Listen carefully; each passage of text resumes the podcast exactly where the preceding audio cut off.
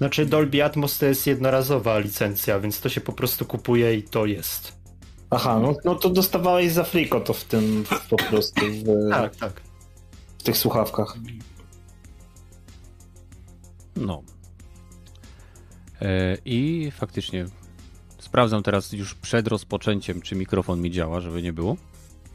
E, I jeśli chodzi o tego Atmosa, to z tego co wiem, to Sony na przykład wykupiło też jakąś licencję dla wszystkich swoich deweloperów, y, którzy korzystają tam z jakichś, y, chyba z Krakena, tak? Czy, czy co tam oni tą kompresję wykupili. No tak samo zrobił Microsoft z, z Atmosem, nie? Dla, dla kon- swojej konsoli, więc Mhm. jest na każdej wspierany. No ale dobra, będziemy zaczynać. Więc witamy wszystkich na 191 epizodzie Dropin Podcastu. E, Zazwyczaj wyjeżdża mi tutaj akurat numerek, więc się nie gubię, więc to jest akurat ok. Więc witamy nowego cz- uczestnika, Godryka. Dobrze przeczytałem, więc cześć. Dobrze przeczytałeś, dobry wieczór wszystkim, cześć. E, No i oprócz tego Gragiego, Łukasza i Rogatego. Witam was panowie. Cześć. Siemanko. Hej, hej, hej. A myślałem, że się uda wszyscy w jednym głosie, w jednym momencie. Jak w przedszkolu czasem tam, czasem nam tak wychodzi.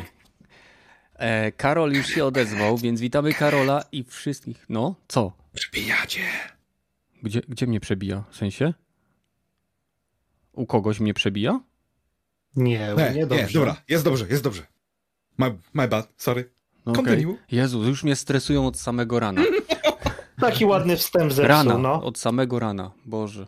Okej, więc Karol już się odezwał, więc witamy Karola, witamy wszystkich, którzy są z nami na żywo. Jeśli chcielibyście e, wesprzeć nas, wystarczy łapka w górę. Przypomnijcie to też innym uczestnikom, kiedy tutaj wpadną po pewnym czasie, bo jakoś ignorują nas, kiedy o to prosimy. Być może jak wy na czacie napiszecie, to będzie lepiej. E, Wedzo, Okal, siema panowie. Zanim przejdziemy do pierwszych tematów, rozgrzewka, e, więc e, Gragi, co się u ciebie działo w tym tygodniu? Co ciekawego grałeś? Przypomnijcie to też.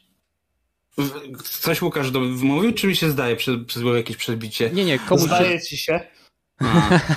Nie, ja, ja tak naprawdę teraz wróciłem, że tak powiem, do, do życia, do, do pracy w końcu po, jak już skończyłem Mhm. z The Boysami, no to już się skończyła laba, więc już musiałem siąść do kompa, już coś, coś porobić i już parę mailów, maili ciekawych dostałem, także e, w ten tydzień generalnie spędziłem na nagrywaniu kolejnych filmów, e, a jedyne co grałem to Multiversus akurat na chwilę przed podcastem, bo tak to w cały tydzień w sumie nie miałem nawet czasu, żeby coś pograć i nie miałem nawet jak- jakoś tak e, pomysłów, co mógłbym pograć i tak wiesz, dopiero tak, a jeszcze bym sobie wbił na ten multiversus, żeby odbić, e, odblokać do końca kudłotego ze Scooby-Doo, czyli mój taki podstawowy cel na, na, na ten tytuł na początek. E, I nadal gra jest naprawdę fantastyczna, tylko mówię, i tak zauważyłem, że mówię, te walki są na tyle czasami krótkie, że 20 minut po prostu przeszło mi momentalnie, a w tym czasie stoczyłem z 5 walk. Także to tym bardziej mnie właśnie wciąga, że ja lubię takie właśnie czasami. E, Za to też właśnie lubię bijatyki, że tu jeszcze jedną partię, bo to są stosunkowo krótkie mecze.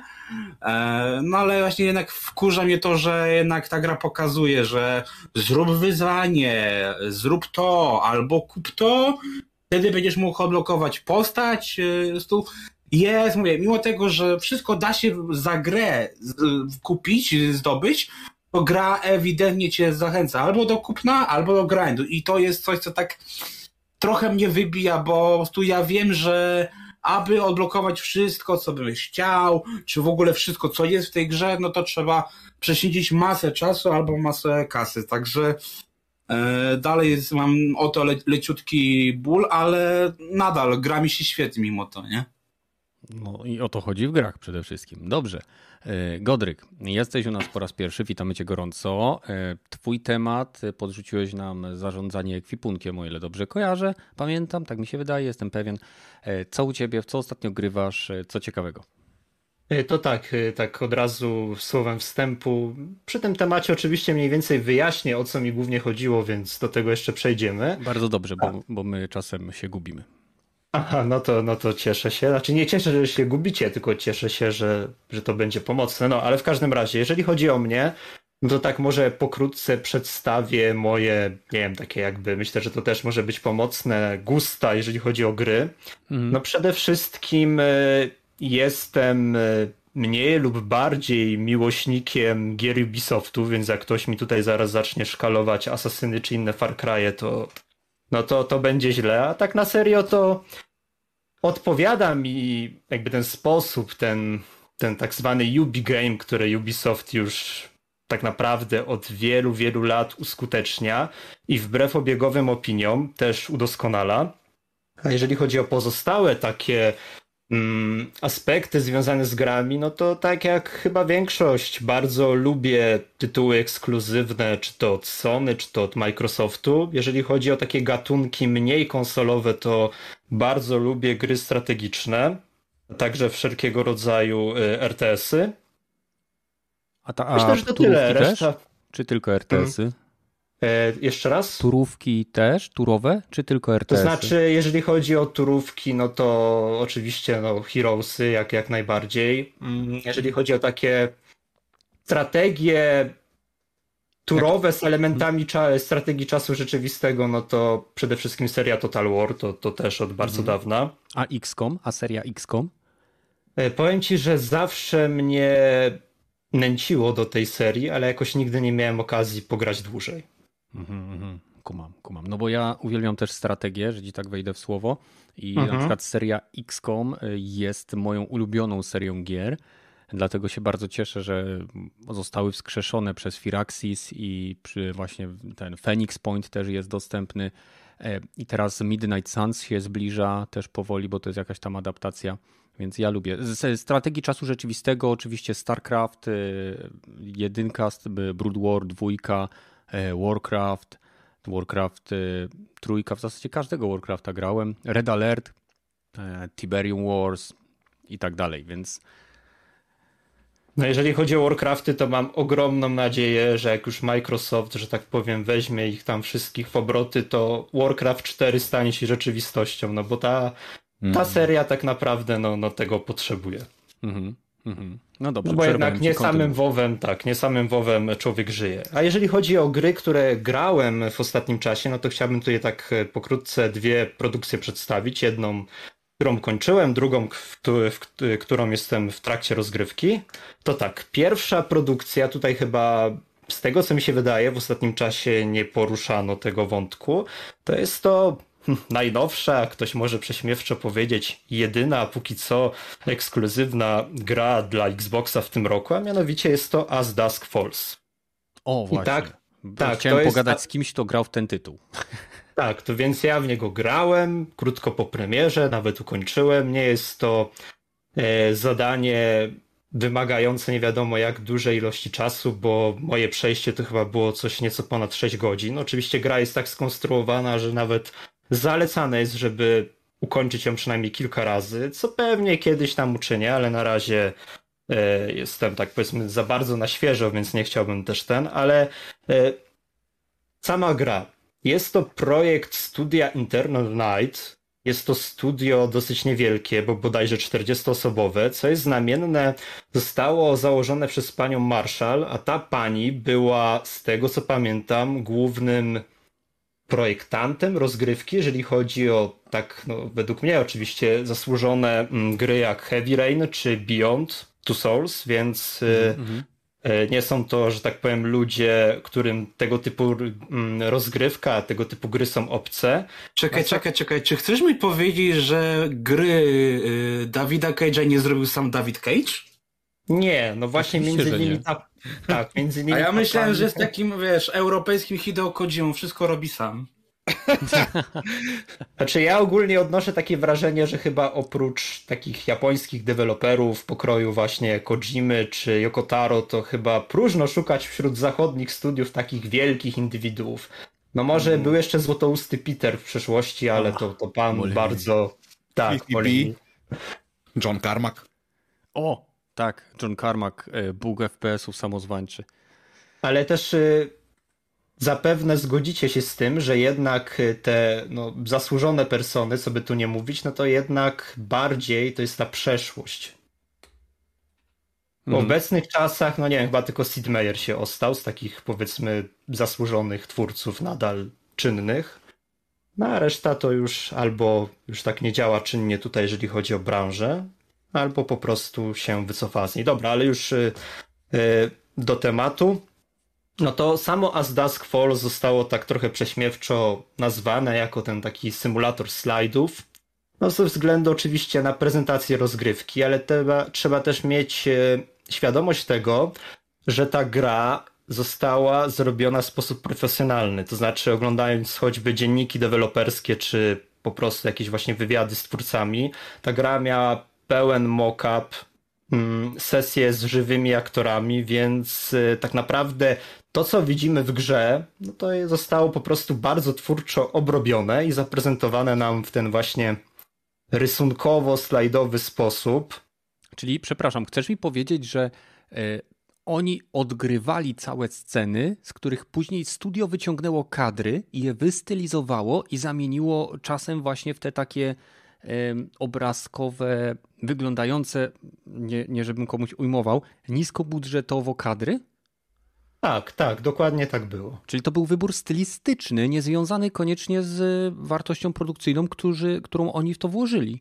Nie, bo to może też odnieść takie wrażenie, że to jest jakaś, nie wiem, wariacja na temat visual noveli, no że właśnie po prostu tak tam sobie tak, narysowali te tła, kadry i w jaki sposób to wprawili w ruch i okej, okay, mamy grę. Nie, właśnie tutaj było to zrobione bardzo profesjonalnie i przynajmniej u mnie tak było, jak już minie ten pierwszy szok. Znaczy, ja ogólnie nie byłem negatywnie nastawiony do tego rozwiązania, do tej stylistyki, a nie wiem, gdzieś tak po pierwszych pół godzinach rozgrywki, pół, po pierwszych pół godzinach rozgrywki, to tak naprawdę to mi w ogóle nie przeszkadzało. Bardzo idzie się szybko do tego przyzwyczaić, więc jeżeli kogoś to odrzuca, to zachęcam, żeby dać szansę, zwłaszcza, że gra oczywiście jest w Game Passie, więc y, jak to się mówi, jest za darmo.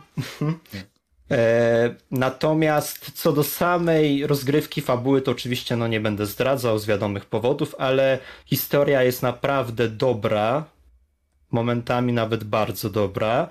I trochę mi brakowało właśnie w tym nurcie tych takich właśnie gier, no bo przez lata było Telltale. Oni to już tak po prostu tą swoją formułą mm, no nie wiem, czy zniechęcili gracze, ale na pewno wyeksploatowali ten nurt, że po prostu no już no nie było aż takiego wzięcia na tego typu fabularne produkcje. Natomiast właśnie As Dusk Falls y, sprawia, że jeszcze są twórcy, którzy mają trochę pomysłu. Jakby to nie jest kolejny klon gier od Telltale, czy choćby Life is Strange, tylko no to jest coś innego. No zdecydowanie bliżej jest temu właśnie temu sznytowi, który znamy z gier Cage'a. Okej. Okay. Więc polecam. A jeżeli chodzi o drugą grę, którą obecnie ogrywam, nie jest to może gra najnowsza, ale gra bardzo swego czasu popularna i no mowa oczywiście o grze roku 2019 roku, czyli o Sekiro. Sekiro, o mój Boże, ja nie tak. potrafię w tej grze mm. przejść pierwszego e, łowcy Shinobi. E, to tak, to, to może wytłumaczę. No bo jak wszyscy wiemy, Souls-like to jest e, gatunek, który no, od dawna wzbudza kontrowersje. To znaczy, na pewno nie możemy powiedzieć, że to jest gatunek niszowy po ostatnim spektakularnym sukcesie Elden Ringa. To na pewno nie. E, natomiast w przypadku Sekiro jest tak, że jeżeli same gry z gatunku Souls-like wymagają od nas jako graczy zmiany takich swoich dotychczasowych przyzwyczajeń, no to Sekiro jest taki problem, że nawet będąc obeznanym w tym gatunku, mając na swoim koncie, nie wiem, wszystkie Soulsy, Demon Soulsy, Bloodborne'a, czy nawet Elden Ringa, chociaż tutaj trochę mniej, ale to, to gra bardzo szybko zweryfikuje nasze umiejętności i może się nagle okazać, że jesteśmy w takiej samej sytuacji jak e, ci nowi gracze, bo o co mi chodzi? E, Sekiro całkowicie zmienia podejście do rozgrywki, czyniąc elementu, który w Soulsach czy Bloodborne można było co naj... Inaczej, można było po prostu bez e, żadnej żenady zignorować, bo jeżeli chodzi o Souls-like'i, to od From Software to moja przygoda zaczęła się od Bloodborne'a. Genialna gra. Genialna, właśnie, no aż strach pomyśleć o tym, że ja dopiero zagrałem Bloodborne'a, jak Sony wrzuciło go do plusa. Bo wcześniej jakoś tak, nie wiem, zupełnie nie miałem pojęcia o istnieniu tej gry, albo, no nie wiem, po prostu y, nie chciałem do niej podejść, a tu wpadła do plusa. Zagrałem, splatynowałem. Po chwili pojawił się dodatek y, na promocji.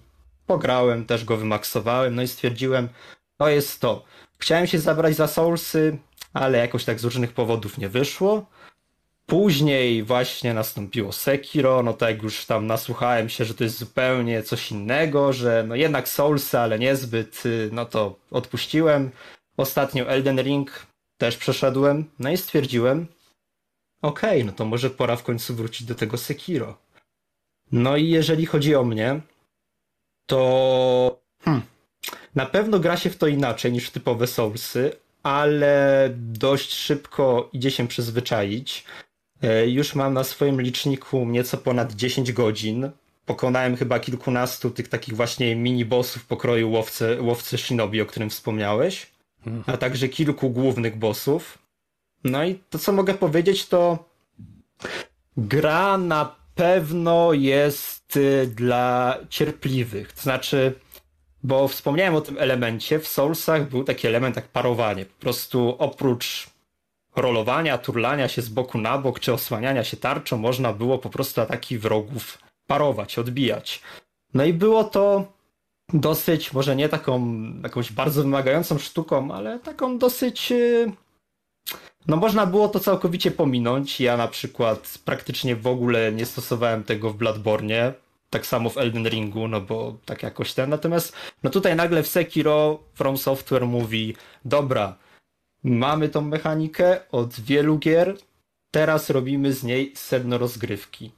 I tak naprawdę dalej wrogów atakujemy, e, w pewien sposób uszczuplamy ich pasek życia, no ale głównym jakby celem tych hmm, potyczkach z bossami jest takie rozegranie pojedynków, jak to tak ładnie się też określa w wielu materiałach, recenzjach, że ta walka przypomina właśnie taki typowy szczęk ostrzy, że właśnie w momencie jak ścieramy się z przeciwnikiem, nie tyle najistotniejszą częścią walki jest po prostu atakowanie tego przeciwnika, tylko umiejętne odbijanie jego ciosów, dzięki czemu jesteśmy w stanie go wytrącić z jego postawy, a potem przeciwnika po prostu jednym ciosem efektownie wykończyć.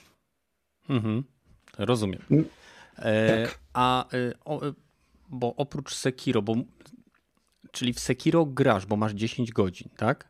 Tak, gram, gram. E, I mam jeszcze jedno pytanie odnośnie, e, ile zajęło ci wejście w, w ten rytm właśnie parowania tych odbić? Bo ja nie byłem w stanie e, przestawić się, bo to było tak, że ja skończyłem Bloodborne'a, mhm. bo ja nie jestem fanem Soulsu, Souls-like'ów. Bloodborne był pierwszym Souls-like'iem, który wszedł mi jak gorący nóż w masło, tak? E, uwielbiałem system, uwielbiałem e, jakby mechanikę rozgrywki. E, tam też były parowania, ale na nieco innej zasadzie i inną funkcję też miały, więc jakby nie, nie byłem w stanie się przestawić z tego, co nauczyłem się w Bloodborne na Sekiro.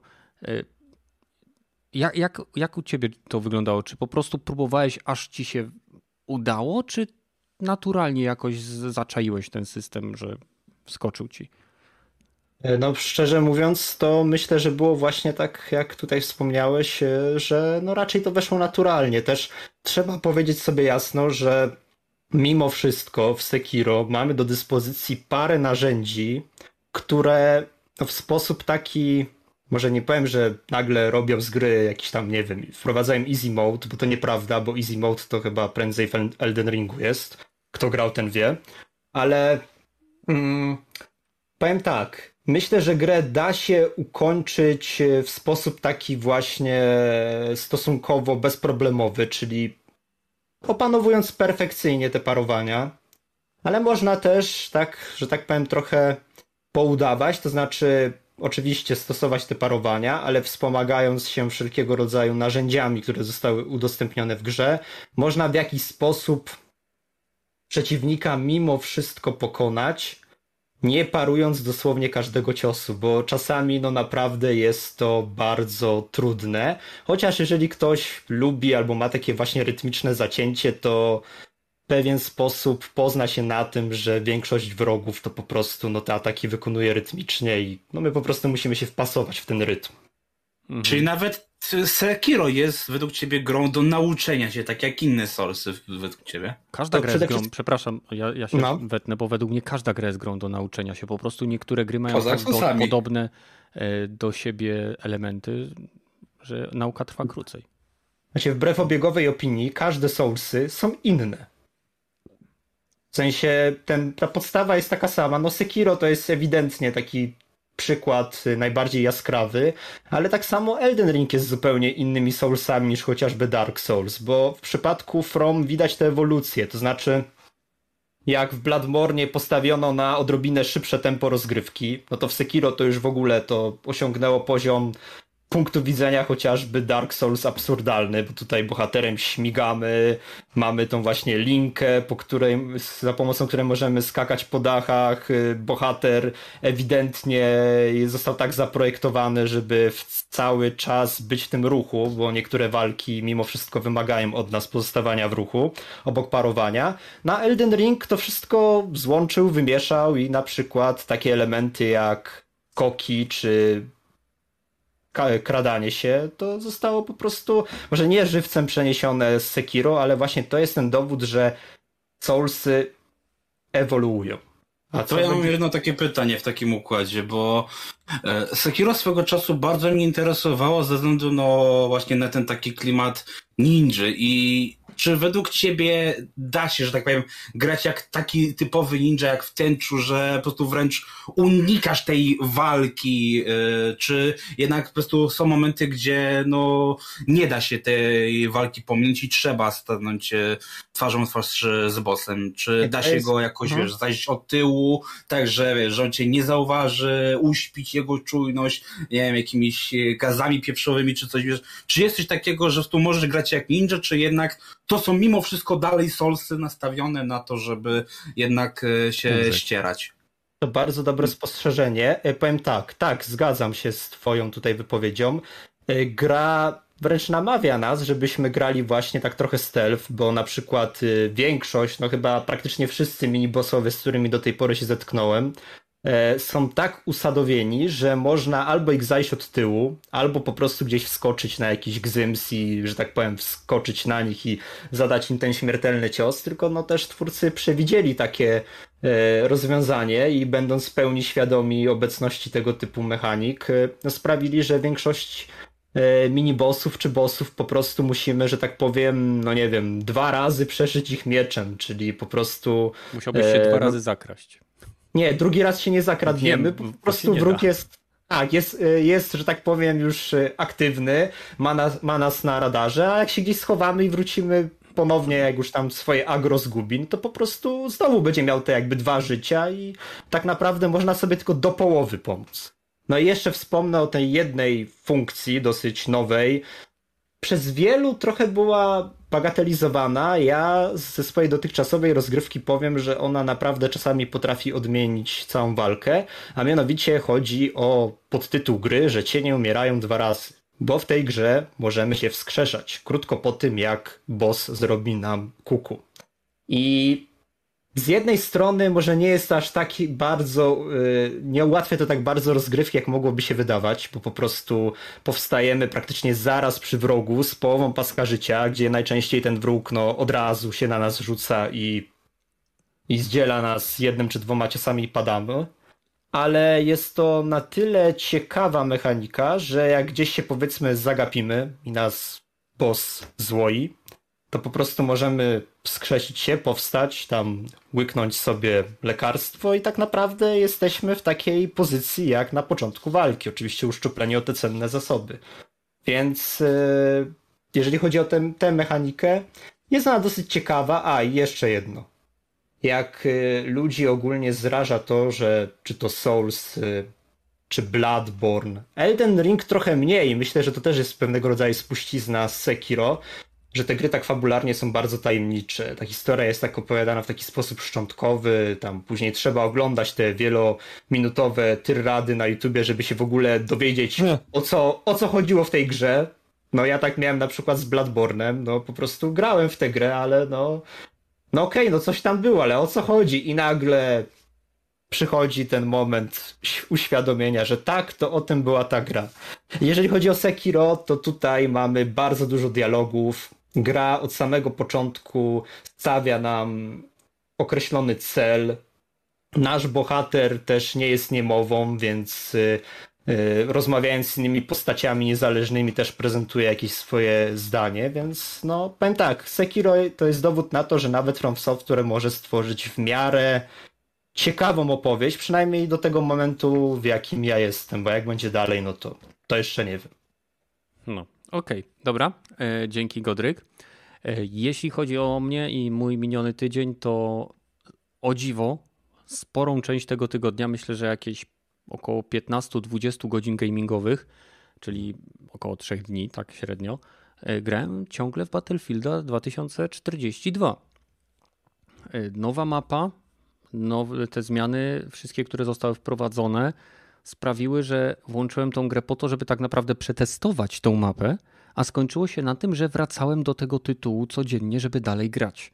Więc nie wiem, czy to jest kwestia ilości wprowadzonych zmian, czy tego, y, że jakby brakowało mi shootera, ale no po prostu ciągnie mnie do tego tytułu. I to do tego momentu, że wcześniej nie grałem w ogóle w ten tytuł, czyli przed wprowadzeniem y, drugiego sezonu, a w ciągu ostatniego tygodnia wbiłem ponad 50 y, poziomów tej niby przepustki sezonowej, co tam jest.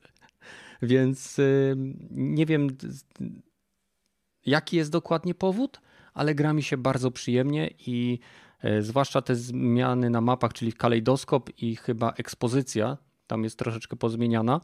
E, kalejdoskop na pewno wyglądają mapy świetnie. Wreszcie można fantastycznie się bawić piechotą, nie martwiąc się o to, że za chwilę zostaniemy ściągnięci, bo biegniemy po długiej łące, na której nie ma nic i snajperzy po prostu się bawią. E, z kolei ostatni dzień, czyli wczoraj i dzisiaj grałem w trybie portal bo wprowadzili tam e, jakąś zmodyfik zmodyfikowaną wersję e, przełamania, czy, czy raszu, coś w tym stylu. Rasz to był. E, I rasz chyba przetłumaczyli jako przełamanie. Może się mylę. W każdym razie właśnie w to grałem i przełączyłem się nawet chwilowo na crossplay, bo chyba z Papikiem graliśmy, a on grał na PC-cie i jaki jest chaos, jak się gra na serwerach z graczami PC-towymi, to po prostu rzeczy, które się tam dzieją, to to przypomina, każda mapa w przełamaniu przypomina małe metro. Gaz, ten, granaty dymne, e, granaty normalne, no wszystko lata, te, tych 64 graczy z zebranych w zasadzie w jednym czy dwóch punktach na mapie. Fantastyczny chaos, fantastyczna ilość możliwości na zabawę e, w Battlefielda. I ja, ja na razie jestem zadowolony, że udało mi się wrócić do tego tytułu. I grałem troszeczkę w Multiversus, no ale to już jest inna sprawa. A, no i jeszcze grałem w gierkę, którą umieściłem e, na Twitterze to była e, Guyun Pio. On e, ją zrecenzował. Gierka jest dostępna w PlayStation Plus Extra albo Premium. Extra chyba. Jest to taki shooter a la Mega Man w stylu anime, side-scrollowy. Też bardzo fajna, bardzo fajna gra, więc jeżeli tam chcecie, możecie sobie zobaczyć u nas na Discordzie. Link znajduje się w opisie. Tam mała Guyun Pio, Japspam dobrze, jeśli kojarzę. Tak, jeszcze nie wstawił? Nie, nie wstawił chyba do nas, albo mi się coś popieprzyło. Więc e, na pewno możecie znaleźć e, różne pokoiki u nas od różnych twórców. Link do Discorda znajduje się w opisie. A jak chcecie posłuchać innego podcastu, to pamiętajcie, że podcast giereczkowy również ma swój link w naszym opisie. I dajcie łapkę w górę, bo Godryk się zdecydował do nas dołączyć. E, przekaz... Przepraszam jeszcze, bo tak? tylko jedną chciałem kwestię dodać, bo zapomniałem od niej, a tak naprawdę powinienem w ogóle zacząć. Aha. E jeżeli ktoś by chciał się przekonać, w jaki sposób grać w Sekiro, a w jaki sposób nie grać, to jest taki filmik. Ja sobie o nim przypomniałem, kiedyś go oglądałem na kanale, być może większość kojarzy, a jak nie kojarzy, to już wypowiem nazwę tego kanału. Kanał nazywa się po prostu Badyl. I tam, i tam jest taki pewien filmik o Sekiro. Chyba jedyny, więc nie będzie problemem go znaleźć. I tam możecie w bardzo taki obrazowy sposób przekonać się, jak w Sekiro można grać, przynajmniej na początku, a w jaki sposób grać docelowo. Więc polecam się zapoznać z materiałem. To byłem ja. E, I teraz przekazujemy głos Łukaszowi. No to ja muszę się odmytować najpierw, bo nie chciałem wam tutaj przeszkadzać. E, co u mnie? Skończyłem kroniki Sary Connor. O właśnie, nie... ja nigdy nie skończyłem. Mów, czy to jest naprawdę dobre. E, to jest naprawdę dobre i dla tych, co nie wiedzą, to jest to serial z 2008 roku, e, który kontynuuje wydarzenia z Terminatora pierwszego oraz Terminatora drugiego, e, całkowicie ignorując wszystkie następne filmy, które powstały i, i to jest dobre. To jest bardzo dobre, bo serial rozwija świat Terminatora i to w taki bardzo spójny sposób E, co nie udało się żadnemu filmowi, bo wszystkie filmy jednak e, niestety, ale powielały cały czas schemat po prostu. Uciekamy przed kolejną, coraz mocniejszą, coraz straszniejszą maszyną. No, nie licząc tego jednego spin-offu w postaci Salvation, który pokazywał, e, co się tam działo w przyszłości. Ale to jest, to jest naprawdę dobry serial i polecam go obejrzeć, nawet y, pomimo tego, że jest stary. I jeżeli ktoś jest fanem Terminatora, a nigdy tego nie oglądał, to mogę wam powiedzieć, że wszystko, co powstało później, jest naprawdę do wywalenia. Terminator 1, Terminator 2 i y, Kroniki Sary Connor i to jest po prostu wszystko, co najlepsze z Terminatora. Mhm. Dlatego radzę to sobie nadrobić, Kenneth. Dobrze. E, to jest na to... jakimś streamingu dostępne? Niestety nie jest dostępne w żadnym streamingu, trzeba sobie kupić Blu-raya. Aha, albo na. Yy, APL? albo na szwedzkim tym yy, Netflixie, tak? Tak, tak, tak, albo sobie tam, no wiesz, masz Google, dasz sobie radę. Jasne, słuchaj, ja, ja, ja byłem wychowywany w pokoleniu, gdzie po gry się jeździło na katowicką giełdę, więc ja tak, sobie tak, dam tak. radę. Na początku y, to, że no, mamy innych aktorów odgrywających rolę Johna i Sary, no, jest takie trochę y, ciężko się może przyzwyczaić, ale to mhm. naprawdę trwa przez y, kilka pierwszych odcinków obecnie serialowa e, Sarah Connor to jest moja Sarah Connor, po prostu uwielbiam. Jest to zresztą aktorka, która e, grała Cersei, w, e, nie wiem czy dobrze wymawiam, w grze o tron, tą królową blond. Aha, tą, o, która o. miała dwójkę dzieci z tak, swoim ze swoim bratem. Ze swoim bratem oraz mhm. grała też żonę Leo, Leonidas, żonę Leonidasa też grała w, 300. To jest pani Lena Hedy, tak? E, tak. I no, no naprawdę e, świetnie się sprawdza w roli Sary Connor i to jest e, no naprawdę jest to spójne, trzyma to się, trzyma to się bardzo z, zasad utworzonych e, jakby w Terminatorze pierwszym i drugim tego całego konceptu. To to nie, nie świrują już tak jak w kolejnych filmach, gdzie po prostu za każdym razem wynajdują coraz lepszego, coraz bardziej wymyślnego Terminatora. Nie, nie, tutaj trzyma, trzymają się e, konceptu tych dwóch Terminatorów, które się tam pojawiły w jedynce i w dwójce i jakby na tym bazują e, też dużo na e, przyszłości. Jest bardzo rozwijany właśnie ten motyw wojny pomiędzy Skynetem a ludzkością w przyszłości, pomimo tego, że serial no, odbywa się w czasach tutaj cudzysłów teraźniejszych, tak? Mm -hmm. Także naprawdę dobre radzę, so, radzę sobie e, nadrobić. E, kolejne to no, zacząłem budować sobie kolekcję gier w pudełkach. Wcześniej, Oj. Wcześniej kupowałem wszystko cyfrowo, ale od kiedy zostałem z samym PlayStation stwierdziłem, a no mam ochotę na te pudełka, po coś wymieniłem tą playkę na wersję z napędem. Mhm. No i nabyłem trochę gierek i to tak dość e, fajnie, bo po prostu wymieniłem moje słuchawki od Xboxa, których już nie używam, bo nie posiadam już Xboxa. Wymieniłem e, kilka gier na Nintendo Switch, w które już nie gram, ograłem je i nie mają mi nic do zaoferowania. W zamian to, za to udało mi się dostać e, na PlayStation 5 Watch Dogs Legion, Uncharted, e, kolekcja Dziedzictwo, tak, Złodziei. Immortals Phoenix Rising, Far Cry 6, Deathloopa oraz Assassina Odyssey na PS4.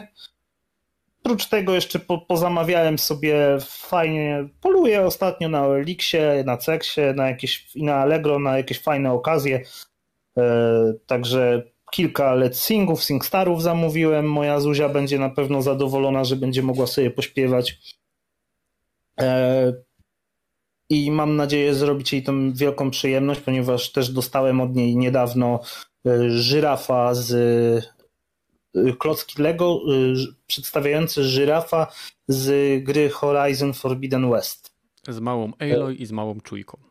Tak, z, ma z małą Aloy i z małą czujką i naprawdę super zestaw.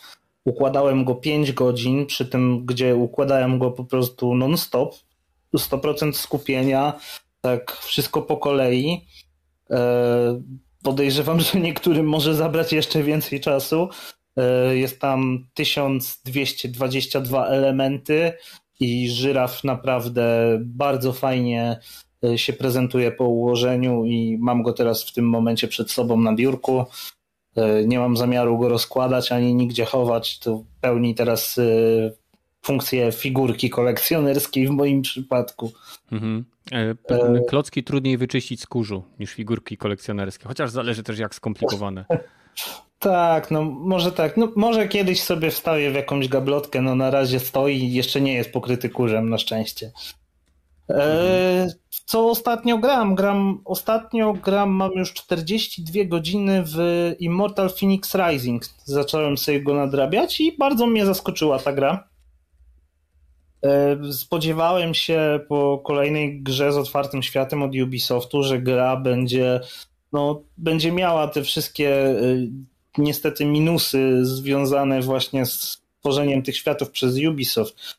To znaczy, że na przykład, żeby zdobyć e, platynę, czy też talaka, jeżeli ktoś gra na Xboxie, będzie po prostu, będziemy zmuszeni do odkrycia wszystkiego i że no po prostu te aktywności, które tam się będą działy, szybko będą się nudzić, ponieważ wszystkie będą na to samo kopyto zrobione. No i bardzo miło się zaskoczyłem, ponieważ no, e, gra jest świetna. E, same nie zmusza nas e, do znajdywania jakichś rzeczy, które po prostu skrzynki, które na nic nam się nie przydają, tylko osiągnięcia są spokojnie spokojnie do, do zdobycia w ramach e, samej gry, samej rozgryw, e, samej e, rozrywki, tak? Ponieważ no, jedyne tam w zasadzie osiągnięcie, które wymaga zdobycia wszystkiego, to jest chyba osiągnięcie za wykonanie wszystkich zagadek, które ja no, szukam z przyjemnością i rozwiązuję je wszystkie, bo są naprawdę świetnie wykonane. Nie są y, takie jak w Zeldzie, do, których, do której jest porównywana ta gra, że po prostu widziałeś jedną kapliczkę, widziałeś już wszystkie. Mhm, tutaj, tutaj mamy bardzo podobny właśnie ten system z takimi, tutaj tu są wyrwy takie, do których wchodzimy, e, natomiast w Zeldzie były kapliczki, ale to jest mniej więcej to samo.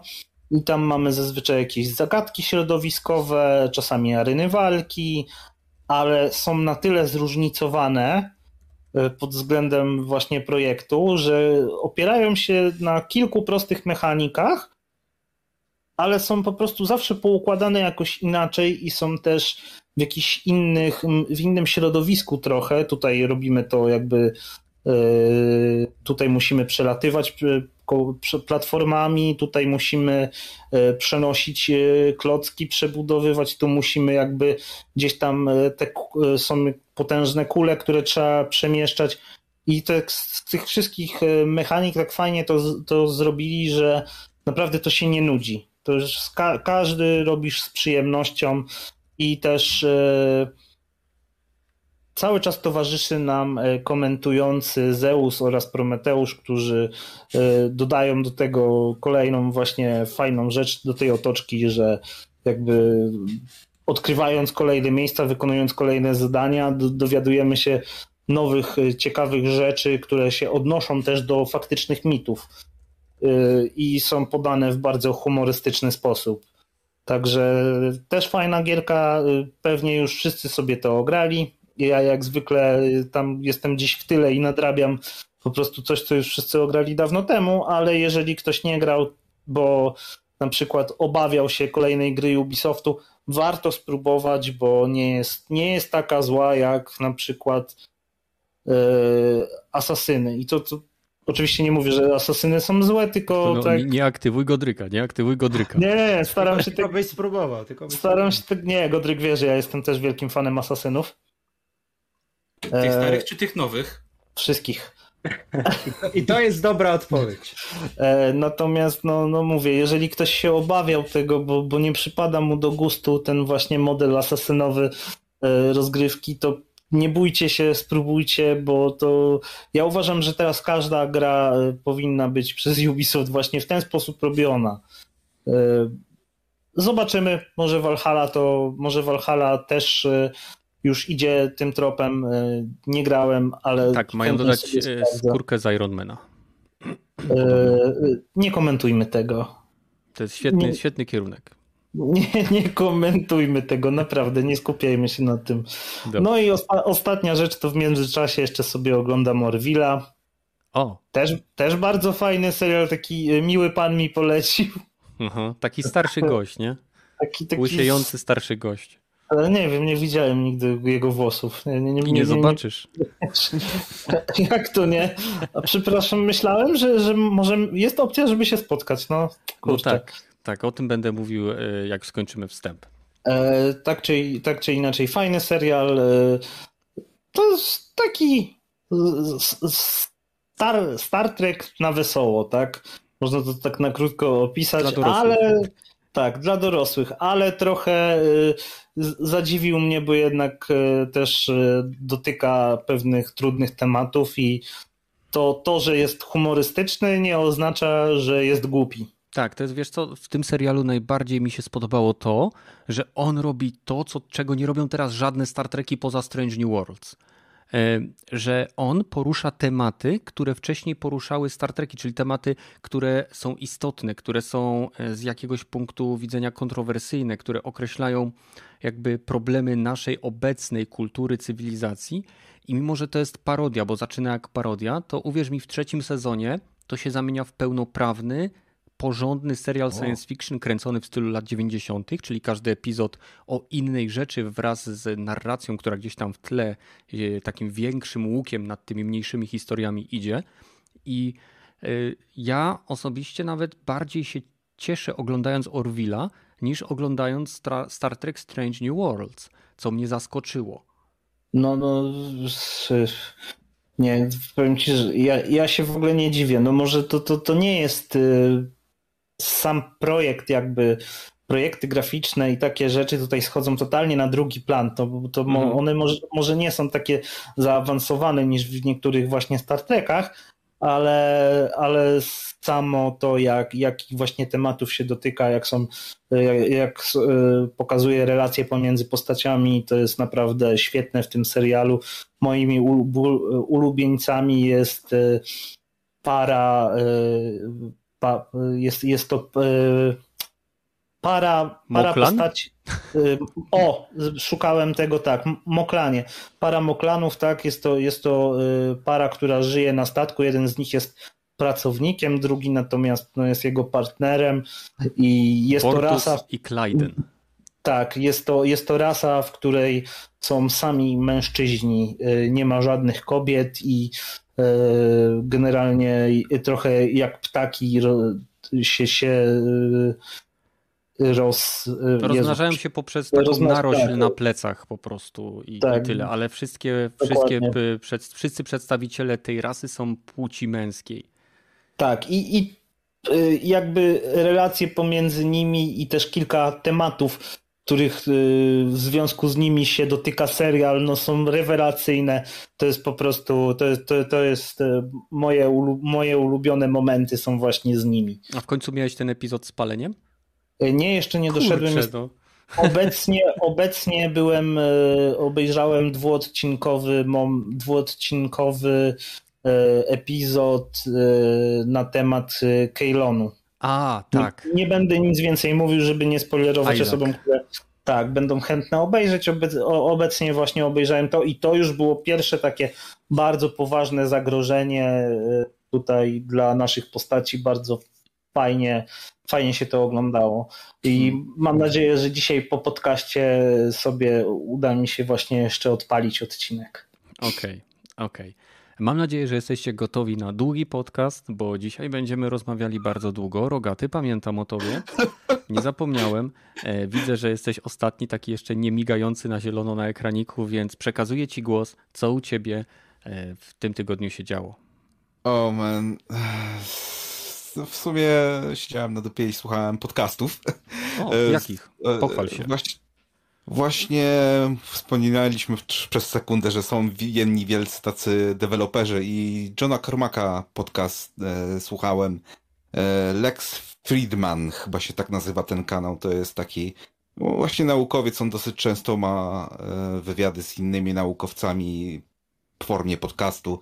No i akurat tutaj był bardzo ciekawy o, e, z Johnem Carmackiem o Dumie, Quake'u, VR, programingu, AI, no właściwie o czym, o czym ma zamiar John Carmack teraz nad tym pracować, bo już odszedł tak jakby całkowicie z e, VR-u, ma zająć się AIG, czy jakoś tak to się mówi, takim generycznym, generyczną sztuczną inteligencją ma, ma, ma zamiar coś w tym kierunku iść przez następne 10 lat, więc polecam. Hmm, to, 5 to... godzin 14 minut trwa. 5, Oho, okej. Okay.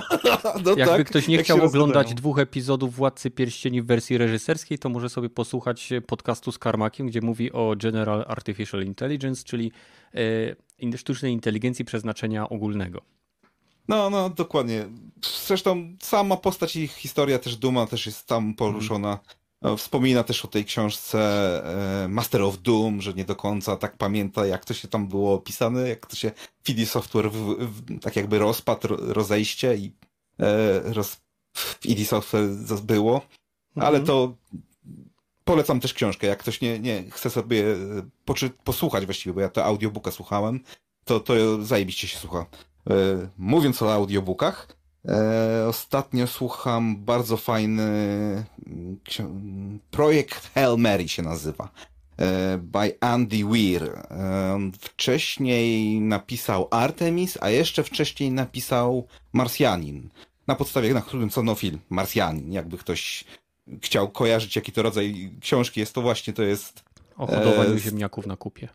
Tak, jeżeli chodzi o Marsjaninie, to tak. To tutaj chodzi mhm. też bardzo dużo o naukowcu, bo tutaj budzi się w białym pomieszczeniu z jakiejś tam śpiączki, e, roboty mu tylko pomagają, masz w końcu e, po, mówią mu, że możesz dalej iść, do, jak e, powiesz swoje imię. No i on sobie przypomina, dlaczego jest w tym pomieszczeniu, jak się tam stał, co się działo i tym no. podobne, więc... No, początek brzmiał na początku... jak seksmisja. Blisko, ale e, intryga jest bardzo mocno na science fiction i przegadana. Na razie tak, nie wiem, z 6 godzin posłuchałem i się coraz ciekawiej robi, że tak powiem. E, z rzeczy, które grałem, to w prehistoryczną grę taką Blade of Darkness, e, jeżeli ktoś pamięta z 2000 roku.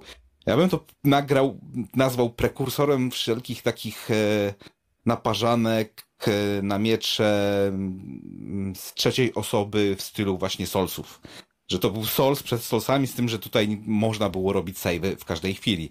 Ale właśnie gra się czterema postaciami, jest taki, e, może nawet nie RPG, tylko klasycznie e, chodzenie po dungeonach, jakichś katakumbach, jakichś e, kanionach i walczenie z jakimiś potworami, czy to ta jakieś nieumarli, jakieś wilkołaki, jakieś trupy wielkie, szkielety. Z tym, że jest to z trzeciej osoby i każda klasa ma swoje tak jakby plusy i minusy, ulubione rodzaje broni, których lubi używać. Krasnolud jest, e, wojownik, barbarzyńca i abazonka chyba. E, gram to, bo się pojawiło jako remaster i, i chciałem sobie do dzieciństwa wrócić praktycznie. Mm. To, to, to jest główna motywacja. Nie mówię, że to jest dobre, ale fajnie poznać historię e, e, gamingu, jeżeli ktoś cofnie się i zobaczy, że a, bo kiedyś się to tak chujowo sterowało takimi grami. Albo jak to, uuu, to ja bym mógł ilość tej sceny na ilość e, poligonów, która jest, ta scena zbudowana policzyć na palcach może dwóch rąk. tak, tak czasami wchodzę do pomieszczenia, wow, ale jest tutaj dużo rzeczy do podniesienia i w ogóle patrzę, dwie rzeczy, kurwa, na całym no. ekranie i idziesz dalej, nie? I ale, jest jasno nie, no... zaznaczone. Więcej poligonów ma y, Nathan Drake w lewej dziurce od nosa niż cały level zapewne, razem z postacią. Za, zapewne, stary. To tak, taki przeskok jest, na, ten szok jest dosyć mocny, ale potem jak już sam gameplay się, się wbijesz i nowoczesne, tak jakby mm. zaimplementowane sterowanie pomaga tej grze dosyć dobrze.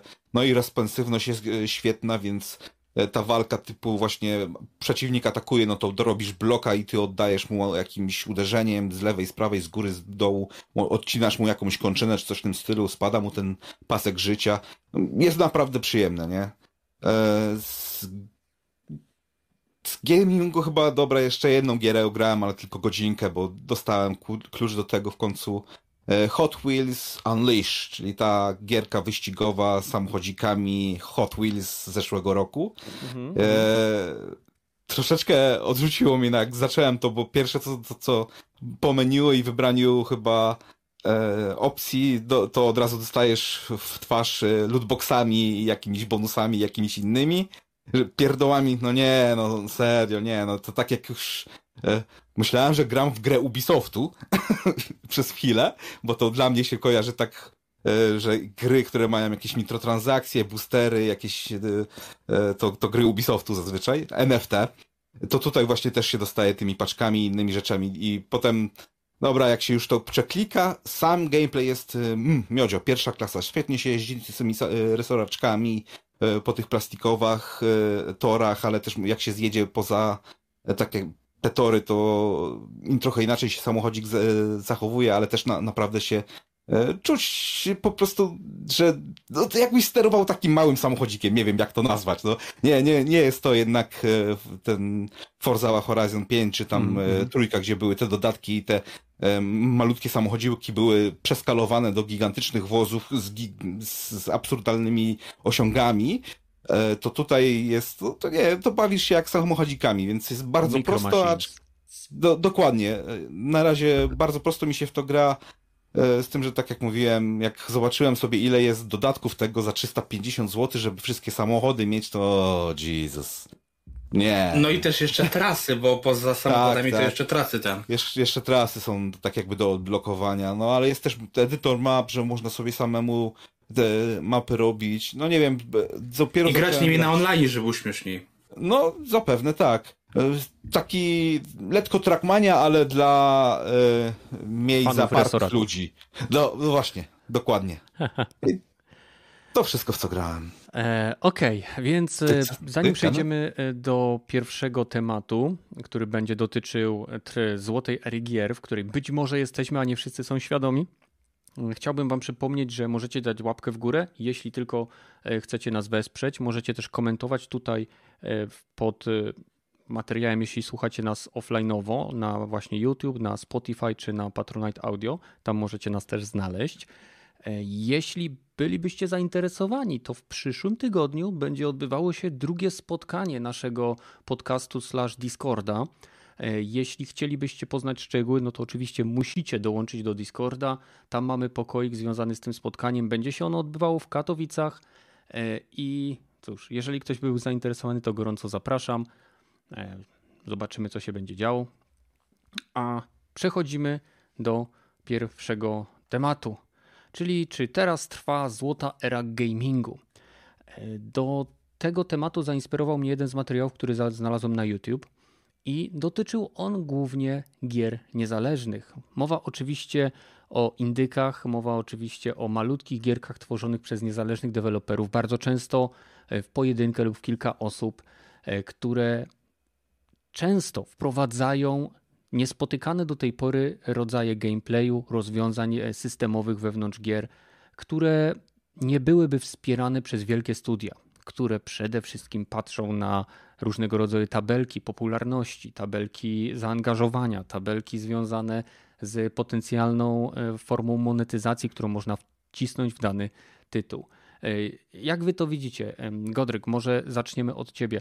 Czy e, z twojego punktu widzenia złota era gamingu związana nie tylko z rozwojem technologii, który oczywiście brnie do przodu, wiecie, nowe konsole, nowe karty graficzne, więcej mocy obliczeniowej, e, więcej fizyki, grafiki, światła i wszystkiego, ale od pewnego czasu, zwłaszcza gracze, którzy są już, że tak powiem, wiele lat w obiegu gamingowym, odczuwają, przynajmniej ja, może będę mówił za siebie, ja odczuwam pewnego rodzaju stagnację.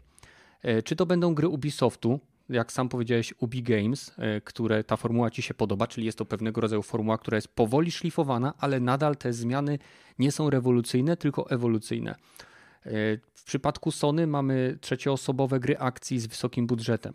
W przypadku Microsoftu mamy gry, które opierają się na znanych markach, które są powtarzane. E, mówię o tych wielkich tytułach, nie Double A, tak jak e, Dusk Falls, czy nie wiem, tytułach w stylu 12 Minute Game, tak to było, ale to jest indyk. Więc jak ty to widzisz? Czy być może gdzieś tam dla mniej zorientowanych w tych indykach leży coś ciekawego? Czy ja bym ogólnie mm, rozumiał to całe zagadnienie tej złotej ery, ery gamingu w takich trzech słowach kluczowych. Po mhm. pierwsze różnorodność, po drugie dostępność, a po trzecie swego rodzaju przesyt. No i tak pokrótce postaram się rozwinąć, o co mi tutaj chodzi w tych poszczególnych hasłach. Mhm, mhm. a zatem różnorodność. No tak jak już tutaj wspomniałeś, obecne czasy sprawiają, że produkcji jest bardzo dużo. Różnorodność gatunkowa to jest na pewno coś, co wyróżnia współczesne produkcje. E, no przecież na bieżąco możemy nawet powiedzieć, że powstają wciąż to nowe gatunki, podgatunki gier, więc w ten sposób y, gracze, może nawet niekoniecznie gracze, ale osoby, które do tej pory nie miały wiele wspólnego z graniem, mogą znaleźć nagle coś dla siebie, bo nagle takie a takie e, gry są tworzone. To po pierwsze. E, dostępność. No tutaj przede wszystkim chodzi o to, że no już mamy tą erę, mamy, no ona już tak naprawdę e, osiągnęła swego rodzaju apogeum, a chodzi mi przede wszystkim tutaj o cyfryzację, nie tylko jeżeli chodzi o gry, ale ogólnie popkulturę. E, więc dostępność takich wielkich serwisów jak no, subskrypcja, Game Pass czy chociażby Nowy Plus no sprawia, że tak naprawdę za stosunkowo niewielką opłatę miesięczną użytkownicy mają dostęp do naprawdę przepastnej biblioteki gier, zarówno produkcji nowszych, jak i tych starszych, lepszych bądź gorszych. No ale wiadomo, gusta są różne, więc dla kogoś dana produkcja może być dobra, dla innego niezbyt. Jedni sobie cenią indyki, drudzy, drudzy gry o większym budżecie, ale subskrypcje w pewien sposób łączą zarówno jedno, jak i drugie. A jeżeli chodzi o tą ostatnią wyróżnioną przeze mnie e, cechę, przesyt. Połączenie tak naprawdę i dostępności, i różnorodności sprawia, że tych gier jest po prostu za dużo. To już nie są te czasy, kiedy e, no to tak trochę z rozrzewnieniem w zależności od tego, kto jaki tam staż ma, jeżeli chodzi o granie. Były to czasy, kiedy kupowało się tą jedną grę, miało się tę jedną grę, przechodziło się ją całą, nie było mówienia, że a, bo ta gra to jest taka słaba, a, mam jeszcze 10 innych tam w Game Passie do odhaczenia, czy tam w plusie, no to to już ją zostawiam na wieczne niedokończenie i lecę dalej. Mhm. Czyli tym sposobem możemy powiedzieć, że też ta jakość mogła być trochę bardziej hmm, taką kategorią bardziej ocenną. To znaczy, e, kiedyś ze względu na to, że tych gier po prostu było mniej, no to nawet gry takie trochę gorsze z, ze współczesnego punktu widzenia odnajdywały jakichś odbiorców, a dzisiaj po prostu tych gier jest e, na tyle dużo, i jednak ten próg jakościowy, chociażby wyznaczany przez wysokobudżetowe produkcje od PlayStation, no sprawia, że jeżeli gra po prostu nie jest e, wybitna jednym słowem, no to potrafi gdzieś tam zginąć w gąszczu. Nie mówię właśnie, znaczy najgorsze, przynajmniej dla mnie jest to, że jest bardzo dużo takich produkcji. No dzisiaj byśmy powiedzieli, że to są średniaki, takie produkcje z, z kategorii e, od szóstki do siódemki, jeżeli byśmy wzięli pod uwagę tą, no, o tej skali ocen to też można wiele powiedzieć, ale tak przyjmijmy, to dla wielu te produkcje są na wstępie skończone, bo jak produkcja nie dostaje z góry na dół najwyższych ocen, laurów, recenzentów i graczy, no to jest już dzisiaj skończona, niesłusznie. A jeżeli chodzi o gry indie, powiem tak, ktoś by mógł powiedzieć, że mm, w obliczu właśnie tego dążenia do jak największych budżetów, do jak największego takiego wypolerowania tych największych gier, największych marek, że produkcje indie no, są na straconej pozycji. Niekoniecznie. Dlaczego? Bo ludzka kreatywność i właśnie ten przymiot dostępności, o którym mówię, sprawia, że na przykład taka gra indie, która jeszcze 5, może trochę więcej lat temu, no jakby po prostu nie została gdzieś odkryta, to przepadłaby. Tak twórcy umieszczając swoją grę chociażby właśnie w plusie czy w Game Passie sprawiają, że ta gra od razu ma no nie powiem, że nieskończone, bo jednak no, wszystko to się opiera o liczbę subskrybentów, ale ma zdecydowanie większe grono odbiorców niż miałaby w takiej powiedzmy wolnej dystrybucji. I chociażby myślę, że ta cała mm, sytuacja, choćby związana z ostatnio wydanym Strejem, o którym tutaj też na podcaście była mowa, e, no myślę, że ta popularność tego tytułu też bardzo dużo dała obecność tej gry właśnie w plusie, premium, a także ekstra. Mhm, mhm.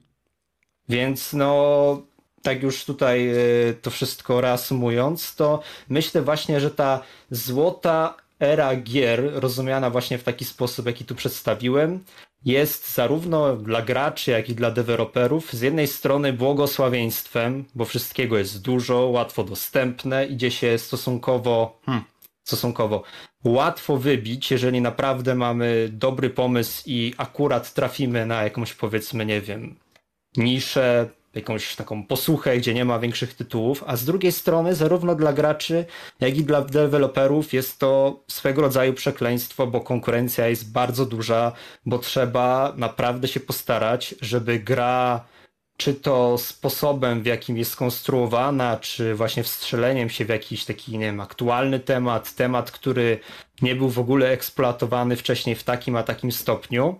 E, to wszystko sprawia, że no jest zarówno bardzo łatwo dzisiaj, jeżeli chodzi ogólnie o gaming, ale też no jest właśnie tak, możemy napotkać na przeszkody, które z 10 lat temu były w ogóle nieobecne.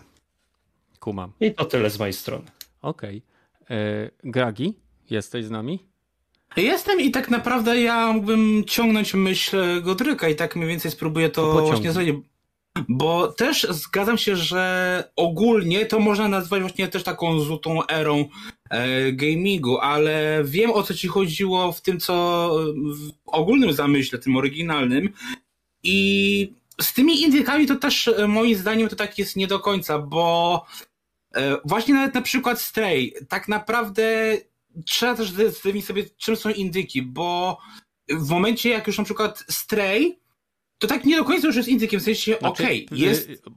Żeby było jasne, e, gry niezależne to są, to są gry tworzone przez studia nienależące do żadnego wydawcy. Takie studia często znajdują wydawcę, który wydaje im tą grę lub publikują ją samodzielnie co nie zmienia faktu, że są to studia niezależne, czyli nie mają parasola Activision, nie mają parasola Microsoftu, nie mają parasola finansowego Sony, czy nie mają parasola Ubisoftu. Tak, Square tylko Enix. że wiesz, takie, y, nawet takie gry mogą wejść właśnie przez to, że są, jak mają już jakiegoś wydawcę, to często się okazuje, że ten wydawca jest na giełdzie. Patrz na przykład Playway, który zapowiada rocznie mnóstwo tytułów, mhm. a wydaje bardzo mało i tutaj Ale też właśnie... na giełdzie nie oznacza bycia niezależnym. No właśnie już nie do końca, znaczy, nie, bo... Znaczy inaczej. E, jest, e, będąc na giełdzie nadal możesz być niezależny, bo giełda nie jest, giełda nie jest twoim właścicielem. Ty po prostu tam jako firma występujesz. Tak, ale jak już masz wydawcę, który występuje, no to wiesz, wydawca ma już pewne oczekiwania, pewne wytyczne, wiesz o co chodzi, ale że w momencie to... jak się wiążesz z czymś takim, to już mhm. nie jest to tak do końca, za, nie jesteś 100% niezależny i, i tyle, musimy, nie? Gragi, musimy ustalić jasno. Firma, która jest zależna od kogoś, jest to firma, która jest e, własnością, tak? Tak jak Microsoft ma teraz kupioną Bethesdę, Bethesda e, jako wydawca nie jest już niezależny od Microsoftu. E, firmy, które są pod Bethesdą, nie są niezależne od Microsoftu. Anapurna, z tego co wiem, nie jest pod parasolem żadnej firmy. Swego czasu Insomniac Games. Anapurna to jest wydawca. E, okej, okay. no. no to nadal y, mówię na przykład o Insomniac Games. Przez lata tworzyli gry, które wychodziły na platformę Sony ale nadal nie byli własnością Sony, więc byli twórcą niezależnym. Dlatego jeśli chcieli wygrać, wy, wydać Sunset Overdrive na Xboxa, to Sony nic im nie mogło na ten temat powiedzieć. I to jest ta niezależność. Możliwość wyboru platformy i sposobu, w jaki gra będzie dystrybuowana. To, czy wydawca, do którego się zgłaszasz jako niezależny twórca, później może mieć wymogi, to jest inna sprawa bo sam oddajesz swoją niezależność, ale nadal w momencie, kiedy tworzysz swój tytuł, jesteś niezależny. Musisz spełnić pewne wymogi e, wydawcy, aby wydać ten tytuł pod jego parasolem, ale ty jako twórca jesteś niezależny. Okej, okay, dobra, no to więc wiem o co ci chodzi. E, I o to, co ja chciałem właśnie powiedzieć, co właśnie mniej więcej kontynuować myśl e, Godryka, to właśnie to jest to, że mm, też już ten rynek tych mniejszych gier też mi się wydaje, że dzisiaj jest już też tak na tyle e, zalany tymi produkcjami różnej maści, że część gier powstaje też już od jakiejś, e, od jakiegoś schematu, od jakiegoś szablonu. I to też można powiedzieć bardzo łatwo, że e, gra indie to jest na przykład bardzo często e, gra pixelartowa na przykład nie? Ale, że, że w, no, taki, no, okay. w takiej stylistyce, e, ale też e, można wtedy odnieść inną stronę, że tak jak właśnie mamy na Steamie ten zalew, czyli masa symulatorów, które też są często niezależne, albo te właśnie gry, które są nastawione na wbicie łatwych platinek za 5 zł, które to, to też niby są często gry niezależne. No są, I... ale to mówimy, y, to jest to, o czym mówił y, też Godryk, że mamy przesyt, że w tych grach są zarówno dobre tytuły, jak i złe tytuły. Są tytuły, które próbują wykorzystać system self-publishingu, tak jak właśnie te tytuły po 5 zł z platyną, czy 20 zł z platyną. I są tytuły takie jak na przykład Power Wash Simulator, czy tytuły takie jak Symulator Healera w grach MMO, gdzie cała gra polega na tym, że masz e, drużynę, której, którą ty nie sterujesz, e, a twoim zadaniem jest ich leczenie i przeprowadzenie przez walkę z bossem. I to są właśnie, o tym mówimy e, z mojego punktu widzenia, mówiąc o złotej erze gamingu, właśnie mówię o tytułach niezależnych, które wykorzystują wyjątkowe pomysły. Jak mówiliśmy wcześniej, Paper Please, tak? E, e, Inscription, jak e, nie wiem, Slay the Spire, jak nie wiem, This War of Mine, tak? To są gry, które zostały stworzone przez małe studia, dlatego też w mojej opinii małe studia często decydują się na prostszą grafikę pixel artową, ponieważ to wymaga o wiele mniejszych nakładów produkcyjnych niż stworzenie E, w pełni wymodelowanego, cieniowanego, e, opartego o tekstury PBR modelu, który będzie działał w silniku Unreal Engine 5. Nie zawsze te studia mają czas i pieniądze, które wiążą się z utrzymaniem działalności studia, żeby stworzyć. Dlatego pixel art jest często wyborem, bo jest tani. Tak, ale właśnie mi chodzi po prostu, że jak faktycznie ten rynek indie dopiero, że tak powiem, debiutował to tam e, ile, 15 lat temu mniej więcej, tak plus minus, mhm. E, to faktycznie mogę powiedzieć, że faktycznie on był takim e, w momencie jak tam mój, powiedzmy do 2000 powiedzmy tak na oko 2013-2014 roku, to faktycznie te indyki były faktycznie takim powiem świeżości, powiem pewnej kreatywności i tutaj wtedy się zgodzę, że to był faktycznie taki pik, e, złota era indyków i tak dalej. Ale dzisiaj właśnie bym powiedział, że takich naprawdę kreatywnych, oczywiście dalej takie gry powstają, oczywiście e, i to jest mega świetne, ale dziś bym powiedział, że jednak mimo wszystko jest ich mniej stosunkowo, nawet na tym rynku Indii, niż właśnie e, gier, które jednak powielają pewne wzorce, które ktoś kiedyś wymyślił lub, więc wiesz, po prostu też bym powiedział, że to nie jest tak, że każda po prostu gra indie to jest od razu innowacja. Po no nie, no oczywiście. Tak to skrócił, że, że bo wiesz. weźmy pod uwagę, że teraz mamy o wiele więcej gier indie, więc automatycznie więcej tych gier będzie jakąś tam kopią, jakąś próbą naśladowania, jakąś Mhm. próbą odniesienia sukcesu, e, nie wiem, Flappy Birda, tak? Był Flappy Mhm. Bird i później nagle był wysyp gierek, które miały system Flappy Birda. E, Nie wiem, był wysyp e, symulatorów kamienia, kozy, pszczoły. Mamy teraz wysyp symulatorów związanych z, z różnymi pracami. Kosiarka, e, nie wiem, Power Wash Simulator, e, za niedługo będzie pewnie Dishwash Simulator, za niedługo będzie, nie wiem, e, jakieś typowe prace Mhm. będą, bo gra odniosła sukces, jest to oczywiste, ale ja się nie zgodzę z tobą, że tych gier innowacyjnych jest mniej. Po prostu trudniej je wyłowić w zalewie tego softu, tego takiego shovelware'u, który pojawia się na wszystkich platformach. Mhm. Głównie oczywiście tutaj na Steamie tego jest najwięcej, ale również y, i Sony i Microsoft nie są wolne zupełnie od tego typu tytułów. Więc No i Sony właśnie promuje takie, co ciekawsze, że tak powiem, indyki, nie? Bo o, oni faktycznie teraz robią sobie z tego też taką trochę dźwignię reklamową. e, na- na Jeżeli wejdziesz na PlayStation Store, to główne indyki, które oni promują, to te gówniane właśnie skoki na platynki, o których mówiłeś. Więc y, No nie, takie Little Devil Inside czy Goodbye e, High Volcano, które ma dopiero wyjść, no to to nie są gry Goodbye za 5 Volcano. High. No, ale no, przekręciłem ten tytuł, bo naprawdę nie, nie miałem pewności kolejności, ale, Ale to wiesz są o co mi duże chodzi. indyki. Ja mówię o tych gównianych indykach, tym shovelware, który jest fioletową kobietą walczącą z orkami, czy jakimiś. Okej, innymi okej. pierdołami. I to Sony nawet Orkami promuje. pozdrawiamy Behemoota. E, No i to jest promowane na głównym sklepie Sony. Te gówno gry są tam dostępne i na pierwszej stronie. Dlaczego? Bo to generuje dla Sony zyski. Rogaty, Hmm. jak ty widzisz e, punkt widzenia Gragiego? Czy zgodzisz się e, z tym, co przedstawił? Mm, No nie do końca. Dla mnie ta złota era jest. e, Złota era w grach indie jest, istnieje, natomiast e, era złota w grach e, AAA się już skończyła.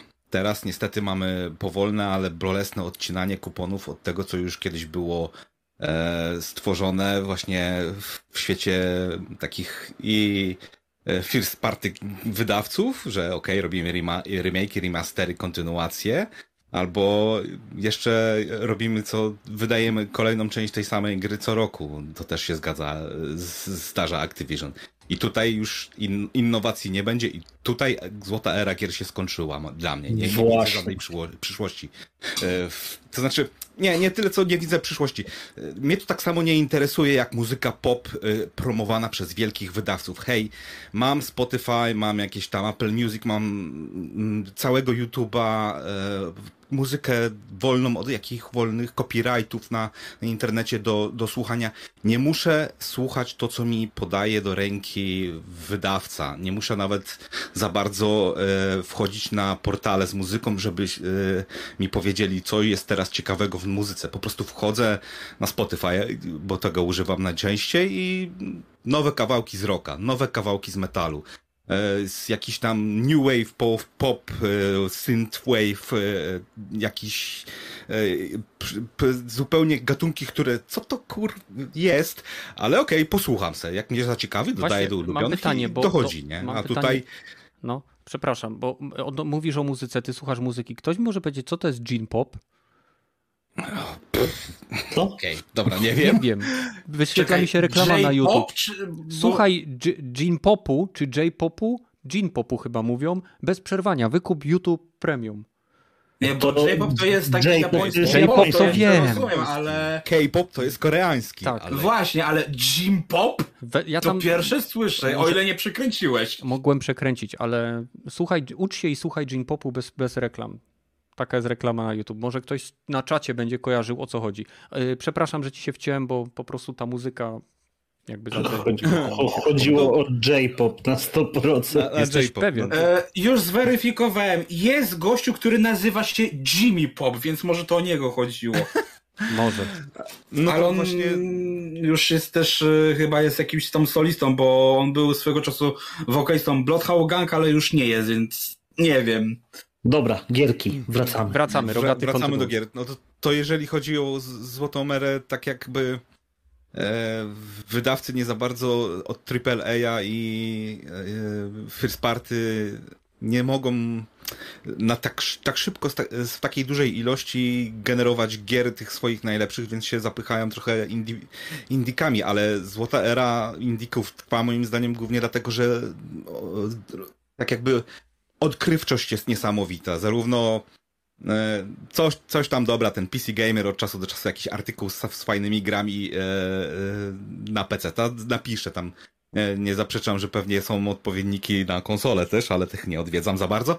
Ale głównie e, na YouTubie do niedawna e, tak jakby e, znajdowałem nowe tytuły, o które mnie interesują. Skill Up ma swoją świetną serię, gdzie podaje właśnie jakiś indie tytuł.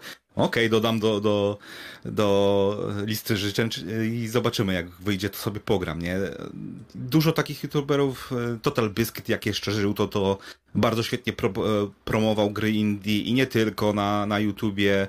Jest, jest dużo takich osób, które właśnie mnie e, zarzucają tytułami praktycznie codziennie z każdego różnego gatunku i dużo tych gier ląduje właśnie albo w Game Passie, albo w Humble Bundle, albo w jakichś innych aplikacjach, też e, Amazon Gaming, e, więc e, dostęp do tych gier, tych moim zdaniem o jakości dużo, dużo wyższej niż te takie asset flipy ze Steama jest naprawdę tani na PC i bardzo szeroki. Można sobie z łatwością wybrać, poszukać swojej niszy i sobie do tej niszy się przystać. Dla mnie to boomer shootery to e, jest właśnie taka nisza, która no, rozkwit. Ja myślałem, że ten gatunek raczej takich single playerowych gier nastawionych głównie akcje i gameplay już nie wróci. Teraz musimy mieć kilkanaście godzin cutscenek, jakieś tam przebłyski, grindu, grindu i, i, i, wszystko jeszcze też na jedną łopatę, że dobra, ukryje się za murką, to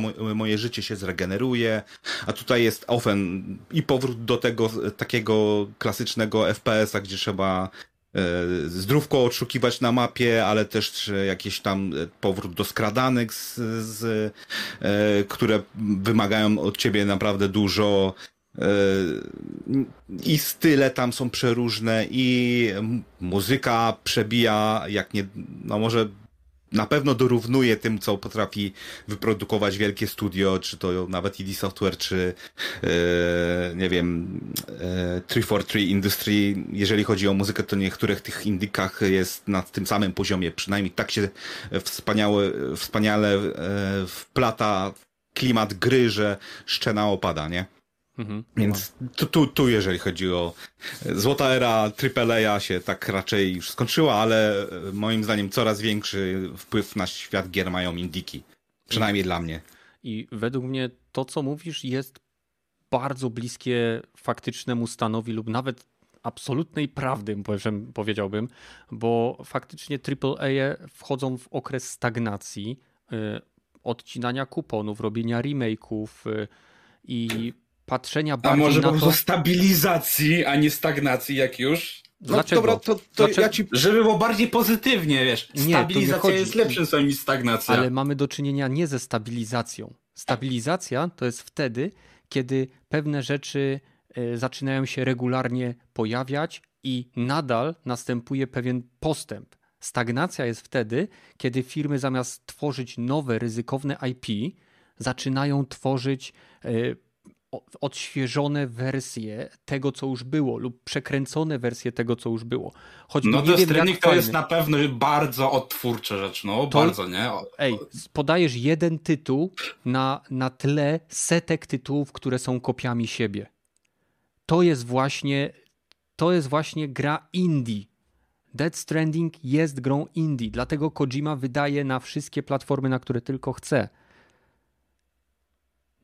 Kojima nie należy do Sony. Tak? Zebrali, sobie... ze...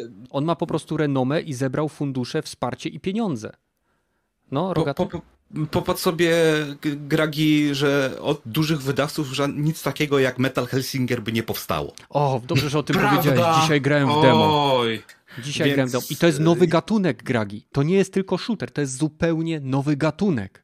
Tu, tu mogę ci powiedzieć, że jeżeli chodzi o AAA i First Party, to oni doszli do takiej perfekcji, że tak samo jak w muzyce popularnej, że a, byleby była ładna pani na okładce, na scenie, albo e, fajny facet, a na, jak nie umie śpiewać, to, to naprawimy w post. Więc e, i jest, mamy 23 producentów, 16 pisarzy tekstów, więc na pewno coś się uda z tego posklejać. I doprowadzili to do takiego perfekcji, że okej, możemy to wyprodukować w ciągu roku i wydać, nie? A to tak samo jest mniej Tak. więcej z grami, że doprowadzili do takiej perfekcji takie marki jak e, Call of Duty czy, czy Halo, że no dobra, Halo nie jest do perfekcji doprowadzone do, jako produkcja, ale powiedzmy, ale Ubi Games dokładnie, że okej, wiemy jak się robi ten do, rodzaj muzyki i e, tak jakby e, jeden band potrafi nagrywać ten sam album kilkanaście razy, zmieniając niewiele, a jednak za każdym razem utrzymuje ten sam poziom, nie? Call Tutaj samo jest ten, ten, ten sam właśnie poziom, nie? Przy Call of Duty zawsze jak, tak, jakoś ta gra działa, ma ten sam poziom jak na e, standardy dnia wydania, a jednak e, gra się to, no okej, wpada w ucho, ale nie będziesz tego słuchać do końca życia, nie uznasz tego za jakieś e, przejawienie e, muzyczne, czy tak właśnie gamingowe, nie? To kolejny Call of Duty, solidna pro, produkcja, tak samo jak, nie wiem, Metallica, kolejny ich album, solidna produkcja. AC/DC. Może ci, może ci się nie podobać, ale nadal jest okej. No, tak samo Tak samo jak. Slayer, Motorhead. No, Tak, wiem tak. o co ci chodzi. No dokładnie, nie? Czy nawet ze polskiego Vader jeszcze. No. Nie narzekam na, na e, całkowicie tak, że wszystkie gry AAA są chujowe, tylko że są stagnację mają straszliwą Turne, taką, są że turne momentami. turne, że nie zobaczy się takich ciekawych pomysłów, e, na które nie trzeba dużo kasy.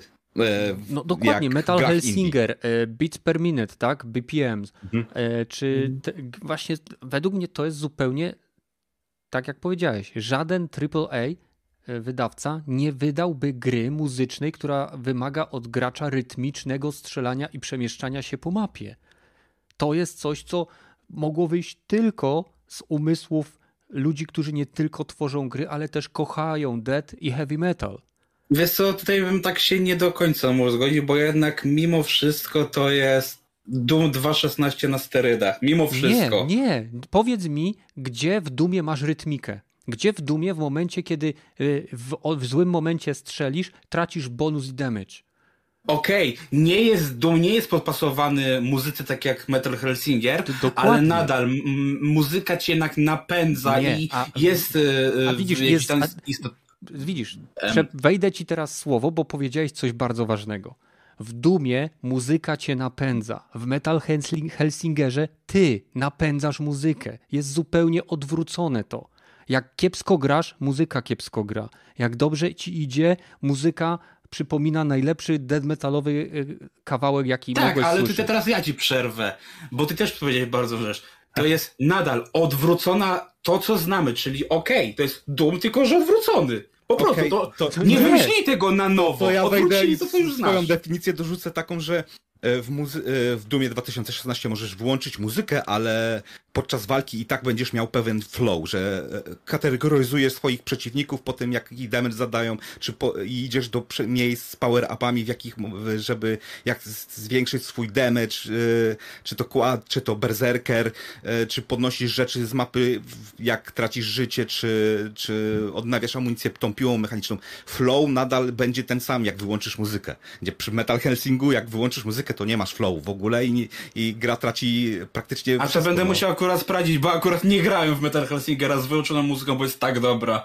Nie wiem, czy się w ogóle da wyłączyć w Metal Helsingerze muzykę, ponieważ ona jest Chyba integralną się częścią dało, bo tam gameplayu. były jakieś ustawienia dźwięku, więc chyba Można coś tam przyciszyć. da się zrobić. No jak przyciszysz do zera, to pewnie tak, no ale to będziesz miał wtedy tylko wizualne e, informacje z, tych, e, z celownika.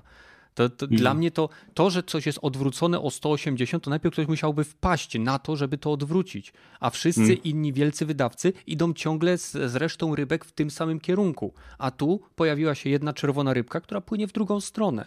I to Ale też zauważysz to, co powiedziałeś wcześniej, że już była produkcja, która to zrobiła, tylko że zrobiła to znacznie gorzej, czyli Bullet per Minute sprzed dwóch lat. Ależ No to- oczywiście, kto pamięta e, Fate to Black? Protoplastę e, g- e, gier z trzecioosobowych, na, na podstawie której powstał Tomb Raider.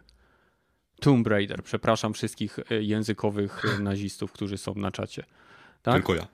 No, więc Fade to Black było pierwszą grą, która wykorzystywała grę, y, kamerę z trzeciej osoby. Nikt o tej grze nie pamięta, ale ktoś na to wpadł. I później był Tomb Raider. Nie? I cała masa wysypu gier, które były z trzeciej osoby. Więc to, że ktoś wpada na coś yy, i robi to ciut gorzej, nie zmienia faktu, że tworzy nowy gatunek, niezależnie czy ktoś go pamięta, czy nie. I Metal Hellsinger, BPM to jest nowy gatunek, tak jak swego czasu powstały gry muzyczne i były gry taneczne, gdzie się tańczyło na ma macie, a teraz mamy zupełnie nowy, gier, yy, nowy gatunek gier muzycznych, które wykorzystują wirtualną rzeczywistość i całe ciało. Hmm. Tak? Jak masz. Yy, jak się nazywa to takie? Beat Saber. Beat tak? Saber. I wszyscy mhm. próbują skopiować Beat Sabera, co jest bardzo trudne, ale są też całkiem udane te elementy, gdzie trzeba e, bardzo płynnie ruszać rękami po tych liniach, które tam e, jakby wtedy bardziej to taniec przypomina. Ale Beat Saber jest prosty, jest super i możesz tam wsadzić różnego rodzaju miecze. Dla mnie gry indie są tym tyglem, gdzie powstaje najwięcej innowacji. Gry AAA są tymi miejscami, które patrzą na rynek indie i niejednokrotnie wyciągają jakieś elementy, y, które później zamieniają w multimiliardowe y, IP. Jak Przykład Returnal. I Battle Royale. Hmm. Przecież Battle Royale powstał jako mod do, niezależny mod do gry. Więc tak naprawdę firmy AAA, w mojej opinii, kanibalizują niezwykle kreatywny rynek, tym samym troszeczkę ograniczając możliwość przebicia się tym y, niezależnym twórcom. I dlatego bardzo się cieszę właśnie, że są takie kanały jak SkillUp, y, jak swego, nie wiem czy Jarok, czy on jeszcze w ogóle tworzy materiały związane z grami, ale swego czasu miał też jakąś chyba czy widziałem może jeden, bo ja nie oglądałem go jakoś szczególnie dużo, ale widziałem jakąś serię, gdzie mówił o grach e, niezależnych, gdzie testował, włączał i sprawdzał. Są całe kanały poświęcone tylko grom niezależnym. Kłas ostatnio robił taki tydzień polskich gier, tydzień polskich indyków, było coś takiego no, w ostatnim czasie. Tak, tydzień polskich indyków. Hmm. I tam e. był na przykład ostatni postal, który tak trochę faktycznie jest takim boomer shooterem, ale też tak nie do końca. Zrobiony nie? na brzydkie, że tak powiem, odpierdol się. Bo to jest gra, która w założeniach powinna być zła, ale ona jest zbyt zła, żeby była dobra. O. No, o, którym, o którym postalu mówimy? O, Brain Damage? najnowszym, Brain Damage. Brain Damage, okay. Postal, który nie do końca jest postalem. Postal, który wyszedł z Polski zaraz, bo to jest też... I to jest też ciekawe, że też ten Postal to jest od twórców gier de facto dwóch niezależnych, Elderborn, który był w sumie... Ta. I to było świetne. To było... Wiadomo, może jakieś trochę toporne. kiedyś?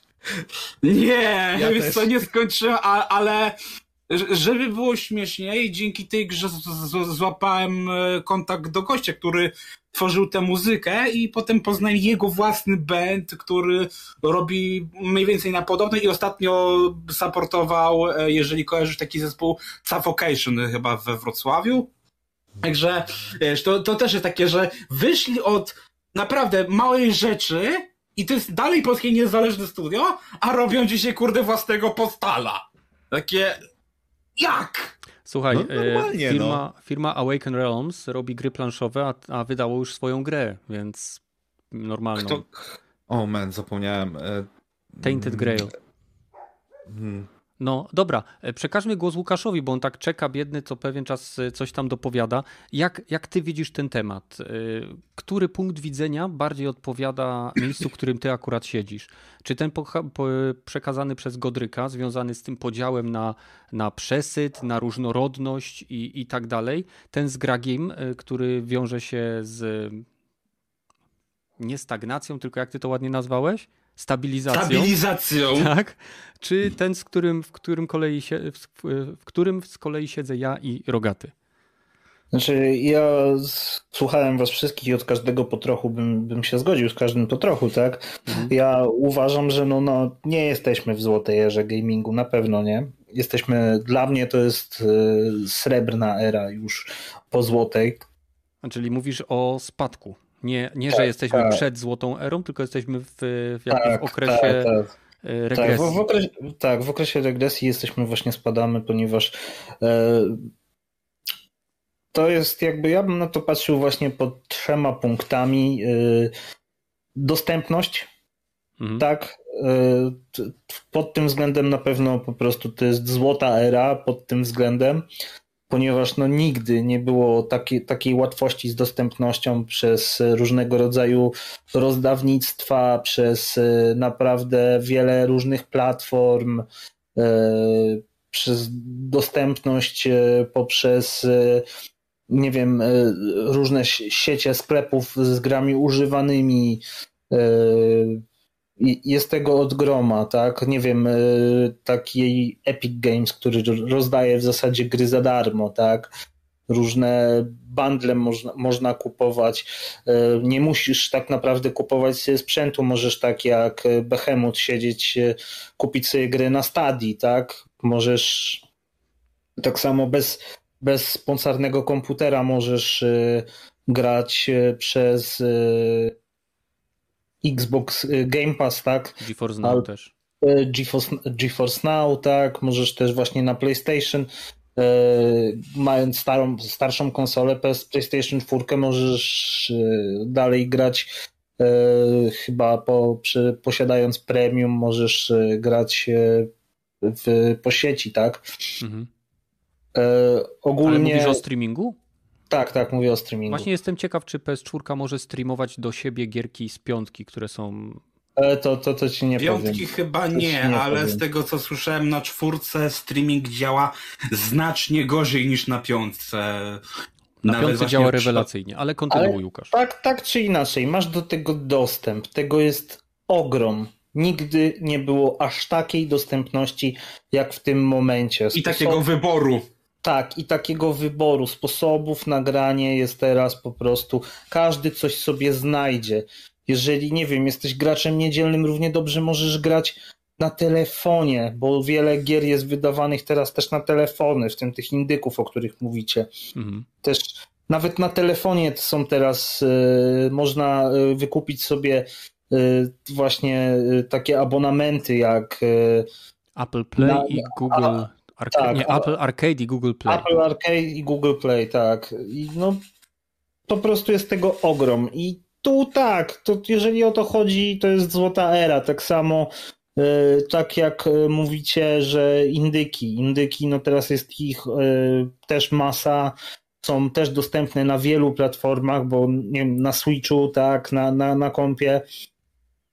Ale tutaj nie patrzyłbym pod to, że to jest całkowicie złota era gamingu ze względu na to, że te indyki się tak rozrastają, ponieważ e, jak spojrzymy za 15 lat wstecz, to nie będzie się mówić o tych indykach.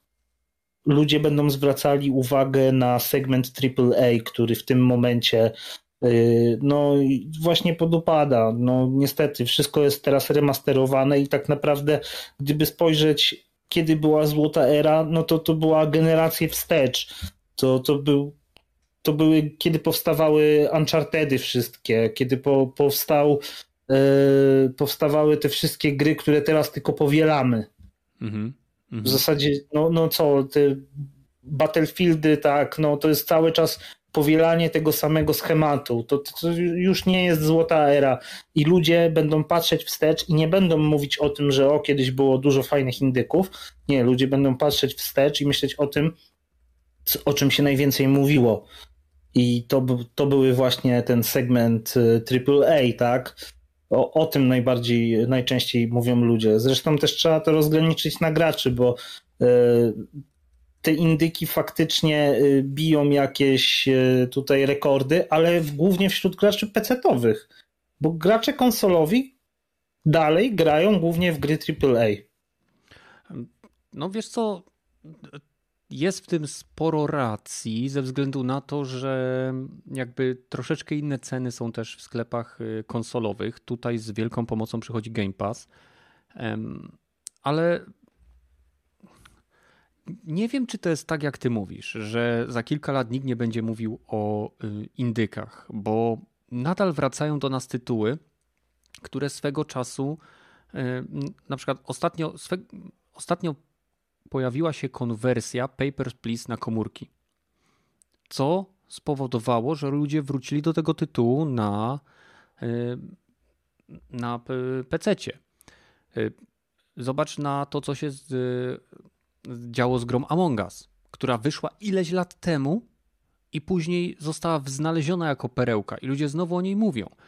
I, i wydaje mi się, że będą jednak dzięki Steamowi też, między innymi, że będą listy gier, że będą tworzone listy gier lub jakieś zbiory gier, które będą warte uwagi, bo mimo tego całego shovelware'u, który tam na Steamie się znajduje, wśród tych gier jest masa bardzo ciekawych tytułów.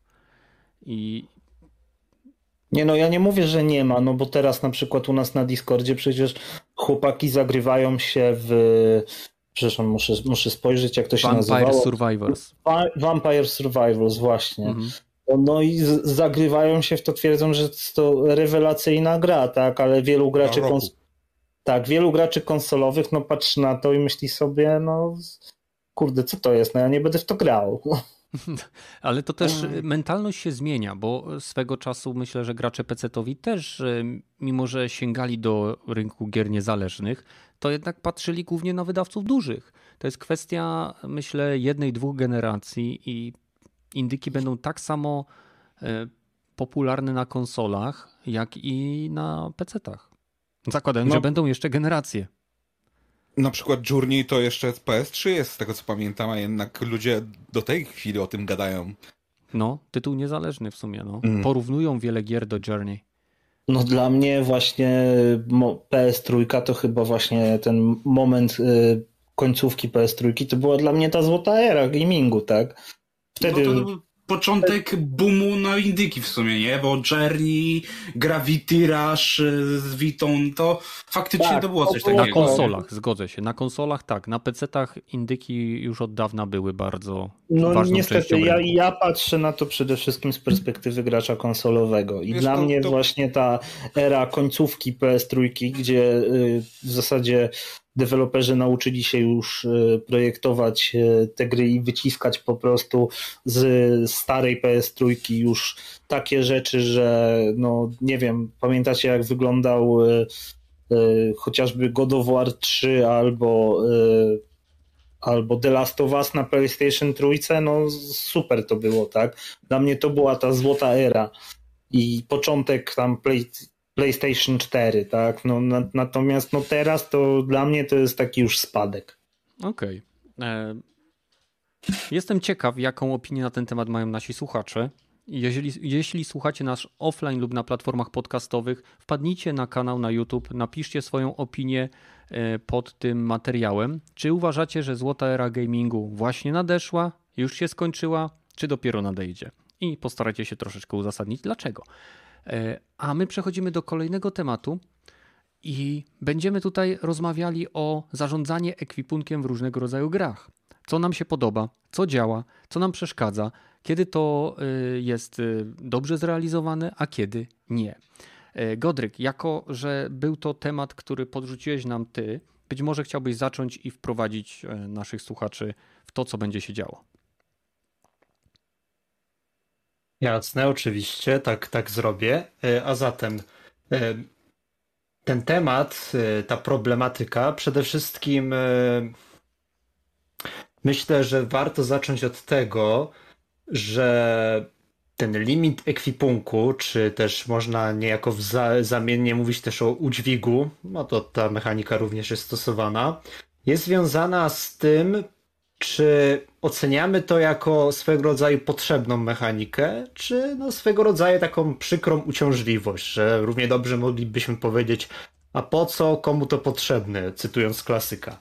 I tak, mm, jeżeli chodzi o limity w grach, to przede wszystkim y, mamy do czynienia z limitem liczbowym, czyli możemy w danym momencie przenieść tyle a tyle poszczególnych przedmiotów, jakiś tam, no nie wiem, e, mikstur, e, oręża i tak dalej. Czyli sloty tak naprawdę w ekwipunku. Sloty, dokładnie. W tym, w tym znaczeniu możemy też wyróżnić też taki limit, no ja go określam mianem jakościowego. To tak na przykład jest w rezydentach, że mamy tą taką hmm, swego rodzaju taką no nie wiem, jaką jakby podziałkę i tam układamy te wszystkie przedmioty jak w Tetrisie i po prostu jak mamy jakąś giwerę, to ona zajmuje o wiele więcej miejsca niż na przykład roślinka lecznicza, więc w tym wypadku mamy do czynienia z tym, że rzeczy, które są jakościowo lepsze, cenniejsze z punktu widzenia gry, no zajmują więcej miejsca. No to niejako też się pokrywa z rzeczywistością.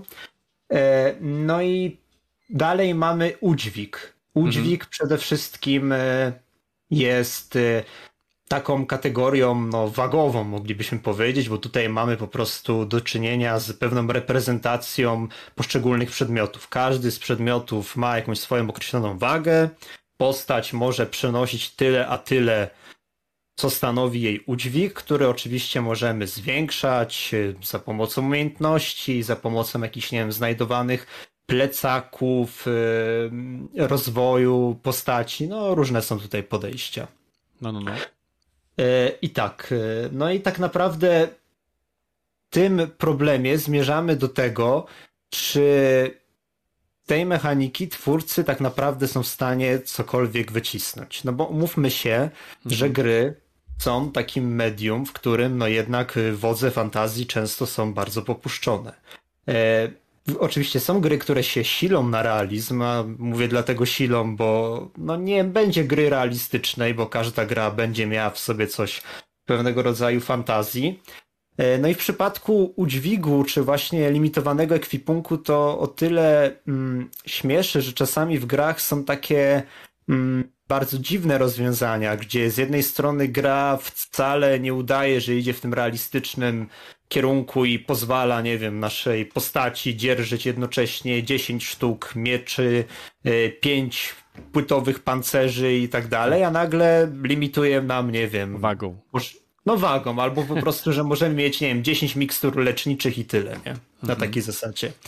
E, no i tutaj tak chciałbym tak zasygnalizować, że istnieją oczywiście gry, które tego mechanizmu udźwigu stworzyły coś więcej. No i tutaj takim mm, pierwszym sztandarowym przykładem są, no to już trochę wspomniane dzisiaj, Soulsy. Bo tam nie mamy co prawda takiego typowego limitu, jeżeli chodzi o ekwipunek. To znaczy, ten limit jest trochę taki jak kod Schrödingera jest, ale go jednocześnie nie ma. No o co tutaj chodzi? E, w Soulsach zbieramy różne przedmioty. Nawet jeżeli w danym momencie możemy mieć ich ograniczoną ilość przy sobie, to nadmiar jest magicznym sposobem przekazywany do schowka i po prostu jak odwiedzimy ponownie schowek, to jeżeli mamy jakąś różnicę, no to te przedmioty są automatycznie uzupełniane. E, z drugiej jednak strony mm, twórcy poszli właśnie przede wszystkim w podkreślenie tego mechanizmu udźwigu.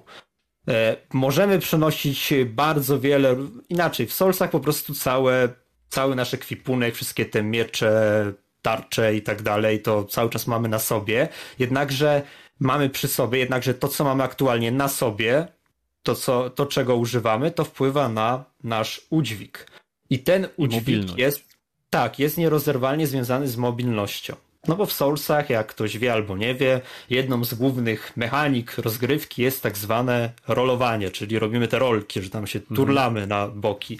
No i e, przy pewnym parametrze tego udźwigu nasza postać e, porusza się, znaczy porusza się, porusza się, właśnie to jest ciekawe, że porusza się zawsze tak samo, e, natomiast próbując robić te rolki, będzie to robiła tak bardziej ociężale, przez to jesteśmy bardziej narażeni na atak wroga, a jeżeli przekroczymy jakąś powiedzmy wartość krytyczną tego udźwigu, no to po prostu w ogóle nie będziemy mogli robić tych rolek, więc tutaj ten, y, ten aspekt został potraktowany w sposób taki, no moglibyśmy orzec, bardzo związany z tym takim mm. korem, tym rdzeniem rozgrywki. I powiedz mi, y, z twojego punktu widzenia, y, w no. Soulsach to rozwiązanie jest wprowadzone gameplayowo dobrze, bo jakby popatrzmy na to też z takiej strony, że zarządzanie ekwipunkiem, czy mamy ograniczenie ilościowe, wagowe, E, nie wiem, rozmiarowe, czy możemy mieć 40 kałasznikowów w plecaku, tak jak w Stalkerze, czy możemy mieć, nie wiem, trzy zbroje płytowe, tak jak w Diablo. E, kiedy dla ciebie, z twojego punktu widzenia, e, system zarządzania ekwipunkiem jest, jest po prostu przeszkodą? To tak, ja bym tak przewrotnie odpowiedział, że dla mnie on nie jest przeszkodą tak per se, jako, jako po prostu, ale mm, oczekiwałbym od twórców, że jeżeli chcą, bo wiadomo, jest jeszcze ta opcja, gdzie totalnie olewamy wszelkie limity, postać może zbierać wszystko jak leci, niczym się nie przejmujemy, więc to jest z jednej strony trochę pójście na łatwiznę, ale z drugiej strony unikamy tych wszystkich właśnie tutaj nieścisłości. A jeżeli chodzi o mnie, no to pragnąłbym, żeby jak już twórcy ten udźwig, tą limitację ekwipunków wprowadzają do swojej gry, to żeby to czemuś służyło. Żeby to nie było po prostu takim, taką właśnie uciążliwością, takim sztucznym często wydłużaniem rozgrywki i psuciem takiego powiedzmy właśnie flow. No takim chyba jednym z najbardziej sztandarowych przykładów z ostatnich lat, przynajmniej dla mnie i to w wielu grach się powtarza, jest to, co było chociażby czy to w Wiedźminie trzecim, czy w Cyberpunku. Tam mieliśmy udźwig. Nie było, nie było takiego limitowanego ekwipunku, no ale był mhm. ten udźwig. Czyli jak mieliśmy dostatecznie dużo żelastwa, no to nagle nie mogliśmy chodzić, czy tam właśnie e, nie Skyrimie tak, chyba biegać. jest podobnie. I też szybka podróż chyba była wtedy ograniczona. E, w Wiedźminie tak samo, no. No i po prostu to sprawiało, że szabrując te poszczególne lokacje, przeszukując wrogów, w pewnym momencie, dosyć szybko, trzeba to przyznać, byliśmy zmuszeni, żeby albo to wszystko porozkładać, albo udać się do handlarza, sprzedać to. No i dla mnie to zawsze było takim, po co to w ogóle jest? Jakby mhm. nie czułem, że to stanowi jakąkolwiek wartość dla rozgrywki. Tak, a przeradzało się w taką przykrą uciążliwość. No to samo mógłbym powiedzieć w Skyrimie, o Skyrimie. To jest gra, która naprawdę, gdyby całkowicie wywalić ten udźwig i wprowadzić nieskrępowaną możliwość zbierania wszystkiego jak leci, to, to byłoby tylko plusem dla gry. No tutaj ja mam inny punkt widzenia, bo w Skyrimie jest tyle rzeczy, że gdybyśmy zebrali je wszystkie, to by było absurdalne e, sortowanie i przeglądanie. No ale dobrze. Łukasz. Znaczy i tak, i tak mamy do czynienia z sortowaniem i przeglądaniem, bo żeby nie przekroczyć udźwigu, na bieżąco musisz to sortować i mhm. to, też, to też jest problem tego, jak jest e, projektowany e, właśnie ekwipunek w grach, jak jest e, to rozwiązane. Na przykład, nie wiem, w takim The Legend of Zelda nie, mhm. było, nie było z tym problemu. No z jednej strony Link tam dużo mógł unieść, tak? Ale nie było takiego problemu, bo te bronie szybko się niszczyły i jakby to rozwiązywało ten problem tym udźwigiem tych broni, bo zbierałeś tylko te najlepsze bronie, one się zaraz niszczyły i zaraz miałeś znowu miejsce, tak? E, tam nie było po co w zasadzie tych broni, nie wiem, gdzieś tam nosić, odsprzedawać, ale w grach takich jak Sky, Skyrim Y, no to y, ja się łapałem zawsze na tym, że zbierałem tego żelastwa ile się dało, żeby gdzieś móc sprzedać i jakoś tą walutę zdobyć, tak? Mhm. Y, mi się na przykład. Ale czy, bardzo... czy ściągnięcie ograniczenia ze Skyrimu nie, ze, nie zepsułoby pewnej pętli, żebyś po prostu poszedł jak jakiś e, horder, zbierać wszystko i później bardzo szybko. Tak, tak, w ten sposób, tak, tak, to by zepsuło, tak. Myślę, że to jest po prostu lepiej jest z tym limitem, niż jakby miało go nie być. Mhm. Tak, tak czy siak sortujemy, ale tutaj właśnie mamy przynajmniej jakąś właśnie taką, jak ty to nazwałeś, pętlę, gdzie dojdziemy do tego limitu, no musimy to przesortować, e, zastanowić się, e, co zachowujemy, co wywalamy, bo już jest za ciężko, żeby się poruszać, potem musimy się gdzieś udać i to sprzedać, tak? Jasne.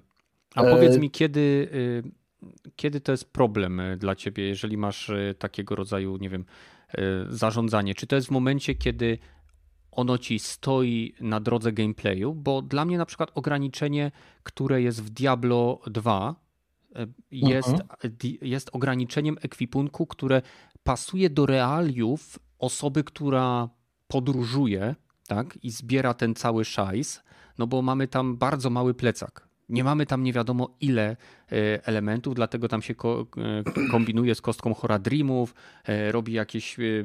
No, wszystko się robi, byle tylko jak najwięcej tego się pomieściło.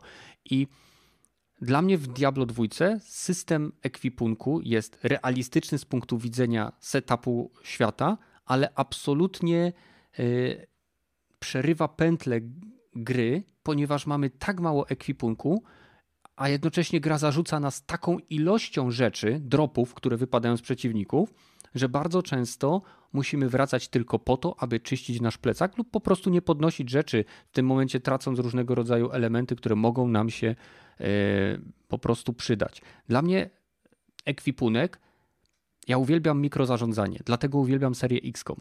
I dla mnie ekwipunek jest problemem wtedy, kiedy on staje na drodze gameplayu. Jeżeli on jest elementem gameplayu i nie, nie wymusza ode mnie, tak jak mówisz, ciągłego wracania, wszystko ok. Jak to wygląda u ciebie? Czy no nie, gry, no, których... zgadzam się. No, mnie, to, mnie to y, strasznie mierzi w grach. I ja zazwyczaj takie gry albo porzucam, albo daję sobie siana po prostu ze zbieraniem wszystkiego i mhm. te, wtedy po prostu wszystko omijam, tak? Y, no, nie no, nie, nie, nie cierpię czegoś takiego w grach i właśnie dla mnie to strasznie psuje ten vibe cały. A pamiętasz jakąś taką grę, którą porzuciłeś ze względu właśnie na, na to, że zarządzanie ekwipunkiem lub sam sposób, w jaki to było wprowadzone był problematyczny? Eee... Border, Borderlandsy na pewno zarzuciłem, bo po prostu nie mogłem się ogarnąć tym całym e, szajsem, który tam na, na, nas spadał i pomimo, że sama gra gameplayowo, to strzelanie mi się podobało, to jednak e, cały ten lód e, zasypujący mnie i konieczność właśnie tam przeglądania tego całego ekwipunku strasznie mnie denerwował. I okay. na przykład i, i, to zarzuciłem, tak? Mm. Teraz bardzo mi się podoba to, jak rozwiązali to teraz w tym Immortals e, Phoenix Rising, gdzie nie ma ograniczenia na e, właśnie na e, ciężar. No, no. I jest kilka broni po prostu, które zdobywamy i zdobywamy do nich jakby skórki. I te bronie też są w taki fajny sposób zaprojektowane, że nie mamy potrzeby, żeby szukać nowych broni. W sensie nowe bronie, jak znajdziemy, to fajnie, a jak nie, to nie, bo one nie wpływają w zasadzie na siłę bohatera w żaden sposób. Mm -hmm. Dodają tam tylko pewne bonusy i w zasadzie nie masz przez całą grę potrzeby szukania sobie innego miecza. Tak naprawdę możesz grać cały czas z tym samym od samego początku. I ja lubię takie gry, które właśnie jak najbardziej uproszczają te kwestie ekwipunkowe, w których nie trzeba siedzieć. Ja pamiętam, że strasznie też mnie to irytowało. Tutaj Okal napisał, że udźwig w Wiedźminie trzecim to była porażka i pamiętam, że w Wiedźminie też właśnie miałem takie momenty, gdzie już mój Wiedźmin przestawał się praktycznie poruszać i no dobra, no to teraz muszę jakoś ogarnąć dojazd i gdzieś e, to sprzedać. Albo wyrzucić na tyle dużo, żeby móc skorzystać tak. z szybkiej podróży. Dokładnie, albo wyrzucić na tyle dużo. Nie, no zazwyczaj wtedy, gdzie jest koń? Bo chyba, mhm. jeżeli dobrze pamiętam, to na koniu wtedy można było jeździć jeszcze normalnie. Dodajemy okay. jeszcze do tego e, tą przeklętą kontrabandę na Skellige, jak ktoś to zaczynał czyścić, no to wtedy o, tak. przekraczało masę krytyczną. E, powiem ci, że właśnie mówiąc o Wiedźminie 3 myślałem o tym, co się działo na Skellige.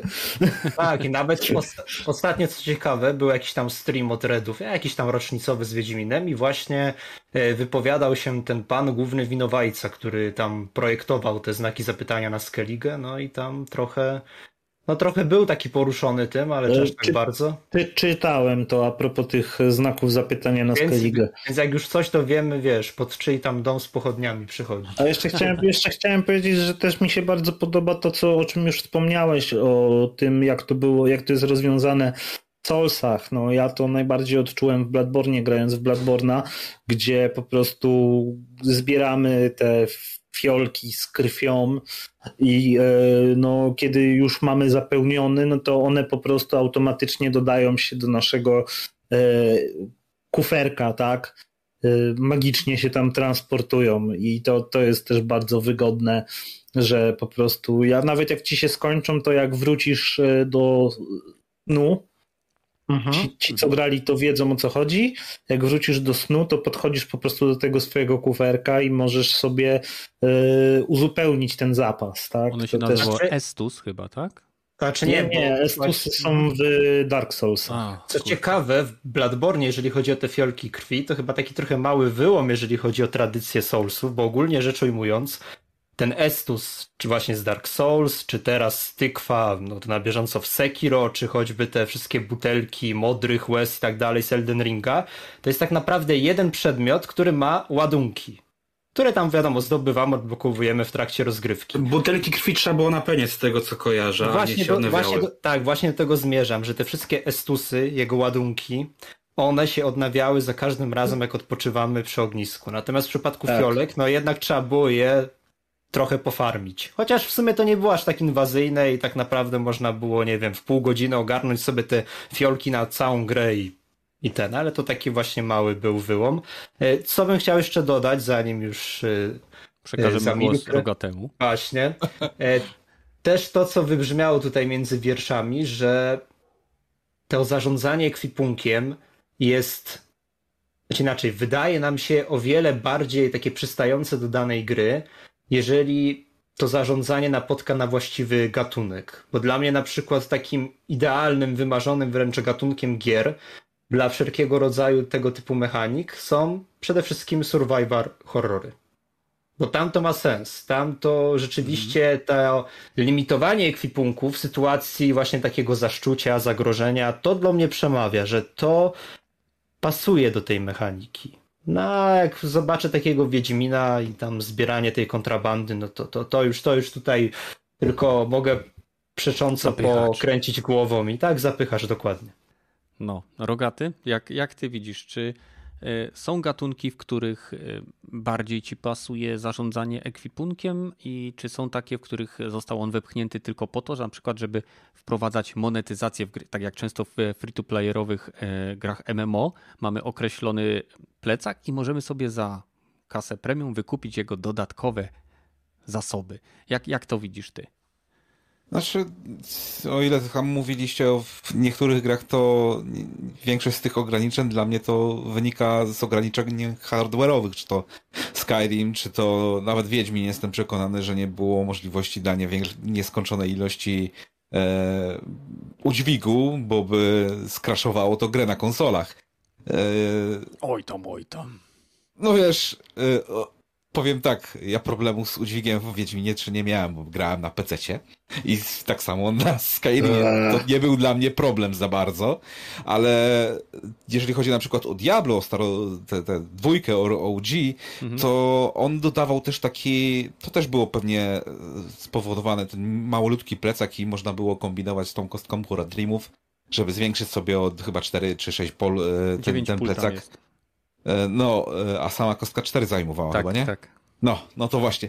E, To też było moim zdaniem spowodowane z ograniczeniami pamięci, hardware'u, ale też dawało tą dodatkowe taki możliwość odet, odetchnienia. Okej, mój, całe, całe moje inwentory jest pełne, trzeba wrócić do, do, do, do miasta, nie? Czy tam... I to też nie było na, bolesne na tyle, że okej, otwieram portal, wchodzę do, jestem w mieście, czyszczę plecak, sprawdzam, co jest lepsze z mojego ekwipunku. Dawało taki właśnie e, balans pomiędzy dosyć mocno intensywną grą, e, jak jesteś już w dungeonach i napierdalasz się z potworami, dawało ci takie wytchnienie, nie? bo to, żeby e, moim zdaniem, przynajmniej jak ja grałem, tak żeby na pewno zapełni, zapełnić swój plecak e, użytecznymi rzeczami, to trzeba było z 20 minut pochodzić po tej mapie, więc dosyć 20 minut szwendania się, okej, wracamy do bazy, przerwa, idę się odlać, kawkę i wracamy znowu. I dawało to taki dodatkowy smaczek. Tak samo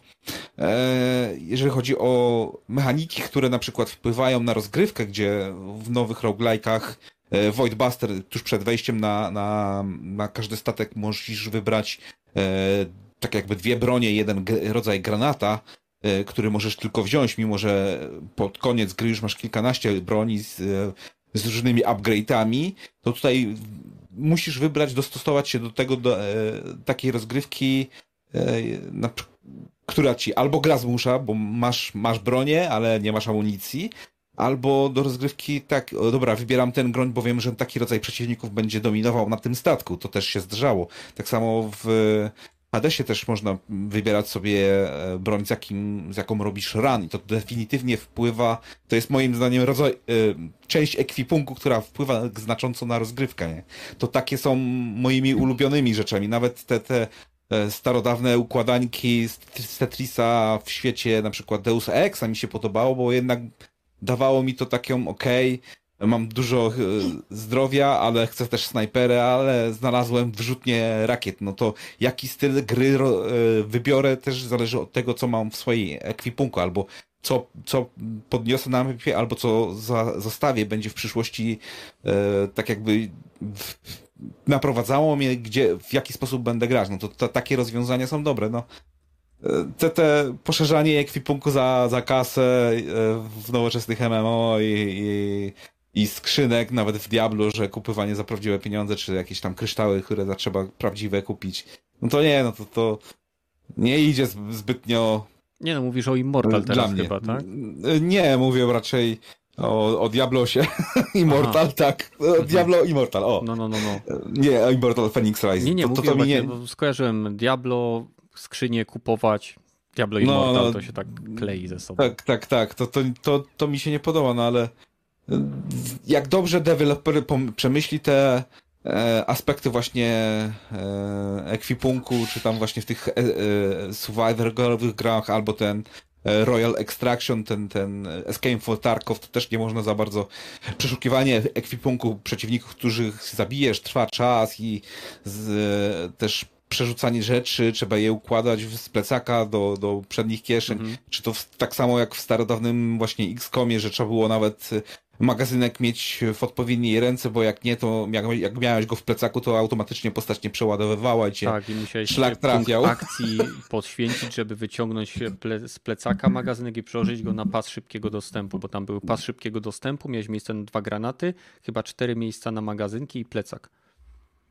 Nie, e, no, były no. dwa miejsca na bronie i cztery sloty na pasie w tym oryginalnym starym X-Comie. Mogę się mylić, to już lata temu było. Ale dlatego mi się tak podoba Phoenix Rising. E, Boże, e, operacja Feni... Nie. Phoenix Point. Phoenix Point. Za dużo Feniksów w tym, w tym podcaście jest. Ale tak, tak, Phoenix Rising dobry. Nie, nie. Mówię o Phoenix Point, tej strategii. W ogóle zagraj se w to już w końcu, Rogaty. O, jedną misję zrobiłem.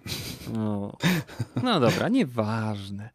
E, Okej, okay. E, chcecie coś jeszcze dodać na szybko, no, Gragi, podsumować? Chyba, no ja jeszcze nic nie mówię. No to, to właśnie dlatego czekam. Gragi, żebyś podsumował nasze wszystkie wypowiedzi. Właśnie do tego zmierzam oczywiście. Gragi, e, przekazuję ci głos.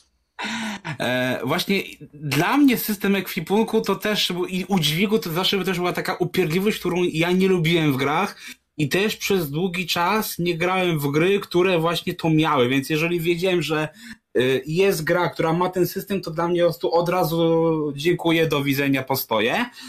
Y, ale faktycznie, no, pewnego jakoś do niego się przekonałem, może tak jak właśnie, że są gry, do których to pasuje. Właśnie powiedzmy nawet te takie RPG, nie? Halo? Gragi? Halo. O, czyżby Gragiemu się coś zawiesiło? Ja go nie wyciszyłem.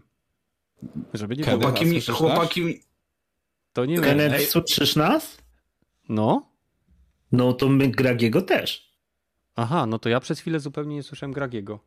No okej, okay, to ja się powtórzę, że tak na dobrą sprawę to ja właśnie przez lata nie lubiłem systemu ekwipunku, udźwigu, bo dla mnie to zawsze była taka zbędna upierdliwość, żeby tylko uprzykrzyć życie graczowi, e, ale w sumie w pewnym się do niej jakoś tam przekonałem, bo właśnie w takich, nie wiem, RPGach, e, Soulslike'ach to faktycznie ma to sens i tak w sumie e, w pewnym sensie sobie uświadomiłem, że tak naprawdę gdyby tego udźwigu nie było, no to byśmy musieli zbierać masę, masę niepotrzebnych śmieci, dlatego też e, lubię niejako ten system, który no mm, jest prowadzony nie wiem, przez Ubisoft, czy Luther Shootery, czy jednak właśnie ta segregacja na kategorie legendarne, rzadkie i tak dalej, z którym wiedział, co, czy jest coś, co jest potrzebne. Chociaż w pewnym momencie, jak już właśnie ja sobie znajdę broń jakąś swoją ulubioną, to ja wolałbym ją maksować, dlatego tutaj odwołam się do Assassin's, Creed, Assassin's Creed'a, na przykład Valhalla,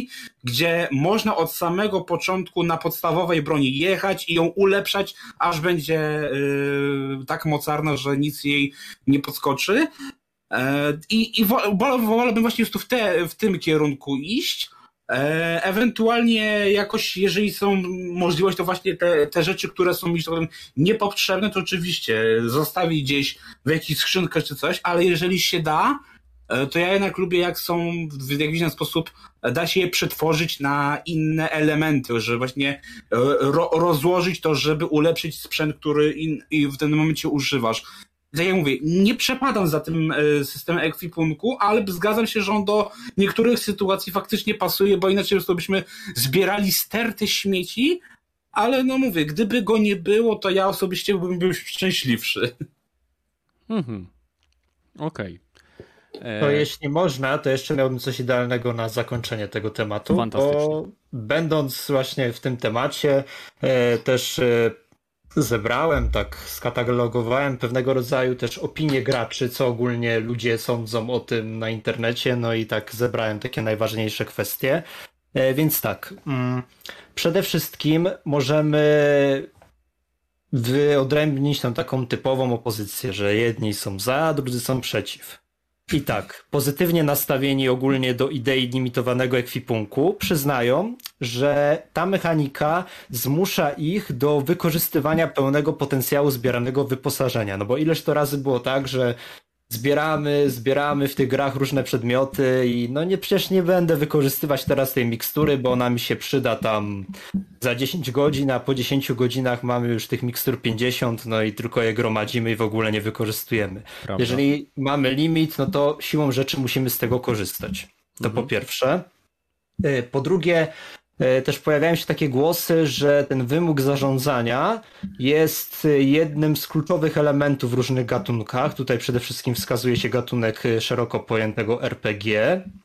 E, no i też można powiedzieć, że wśród graczy panuje takie mm, stanowisko, że limitowanie ekwipunku mm, nie doprowadza do takiego niepotrzebnego chaosu i zaśmiecania tegoż ekwipunku, no i też ten ściśle ograniczony układ wyposażenia może budzić przyjemne skojarzenia i tutaj choćby właśnie z Tetrisem, jeżeli chodzi o takie serie jak Deus Ex czy Resident Evil.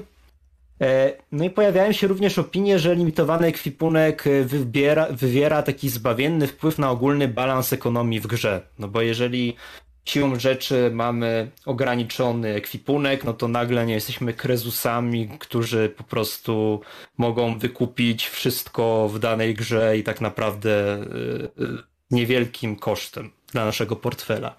No i po drugiej stronie barykady stoją przeciwnicy udźwigu oraz tej właśnie ograniczonej przestrzeni składowania. Y, oni z kolei twierdzą, że ten najbardziej taki właśnie uciążliwy skutek to jest dla nich przede wszystkim e, niemożność biegania albo korzystania z szybkiej podróży, to o tym wspomnieliśmy, właśnie w przypadku jak postać jest obciążona. E, no i też e, niektórzy zwracają uwagę właśnie, że ta to wybicie z tej pętli rozgrywki, konieczność odwiedzania handlarzy, czy tam rozbierania ekwipunku, wyrzucania nawet czasami poszczególnych elementów, jest taką destrukcyjną mocą uderza w graczy w przypadku, jeżeli oni chcą po prostu beztrosko eksplorować, tam brać wszystko jak leci, nie zamartwiać się za bardzo, jeżeli chodzi o limit ekwipunku. No i w obliczu tego wszystkiego też padają takie zarzuty, to też w sumie trochę o tym wspomniałem, że przecież y, za bardzo to realizm w grach, no to no nie mamy do czynienia, więc y, jeżeli w świecie, gdzie tam walczymy ze smokami, jesteśmy wybrańcem, dowakinem i tak dalej, nagle okazuje się, że możemy przenieść, nie wiem, 100 kilogramów, ale jak weźmiemy 100 kilogramów przedmiotów, ale jak weźmiemy jakąś, nie wiem, stokrotkę z łąki, która waży tam 0,1 kg to już jesteśmy obciążeni, w ogóle nie możemy chodzić. Mhm. No i tak na sam koniec, mm, szczególnie jest y, interesujące to, że w niektórych komentarzach możemy natrafić na takie, byśmy to powiedzieli, oceny mieszane, to znaczy gracze przyznają, że ta mechanika może być w pewien sposób uciążliwa, dlatego choćby na PC-cie powstają różne mody, które znoszą te limity. Jednakże też te osoby nie wyobrażają sobie całkowicie, żeby odejść od tego yy, limitu. No i też na sam koniec y, wypada stwierdzić, że w tych dyskusjach pada też często argument, że ograniczony ekwipunek to mechanika potrzebna, ale co ciekawe, nie we wszystkich produkcjach. No i na tym bym zakończył. Chyba Myślę, że to najlepsza puenta. Bardzo dobre, profesjonalne podsumowanie. e, które pozwoli nam płynnie przejść do kolejnego tematu, który zwią wiąże się z pewną medialną obsesją różnego rodzaju portali, a także myślę społeczności e, graczy na temat spadków populacji e, graczy w danych grach. Nie mówimy tutaj o e, spadku na przestrzeni, nie wiem, 5 czy 10 lat, bo to jest oczywiste, że przecież my jako gracze, jeżeli nie jesteśmy graczami jednego tytułu, to przesiadamy się, nudzą nam się gry, e, nasi znajomi przechodzą do innych tytułów, zaczynamy grać w produkcje, które nas zainteresowały i po prostu automatycznie pozostawiamy gdzieś w tle, w tyle tytuły, które po prostu no, już nam się znudziły. Mowa tutaj o sytuacjach, kiedy e, po premierze Elden Ring, zaledwie po dwóch miesiącach, czy załóżmy trzech miesiącach, dowiadujemy się z bardzo ciekawych tytułów, które pojawiają się na portalach, że Elden Ring stracił 90% graczy i sugeruje to, że gra jest w złym stanie. Czy nie wiem, Anthem stracił 90% graczy i gra jest w złym stanie. Jak wam się wydaje, które z tych dwóch stwierdzeń niesie ze sobą jakąkolwiek wartość? No, mogę ja zacząć? Oczywiście.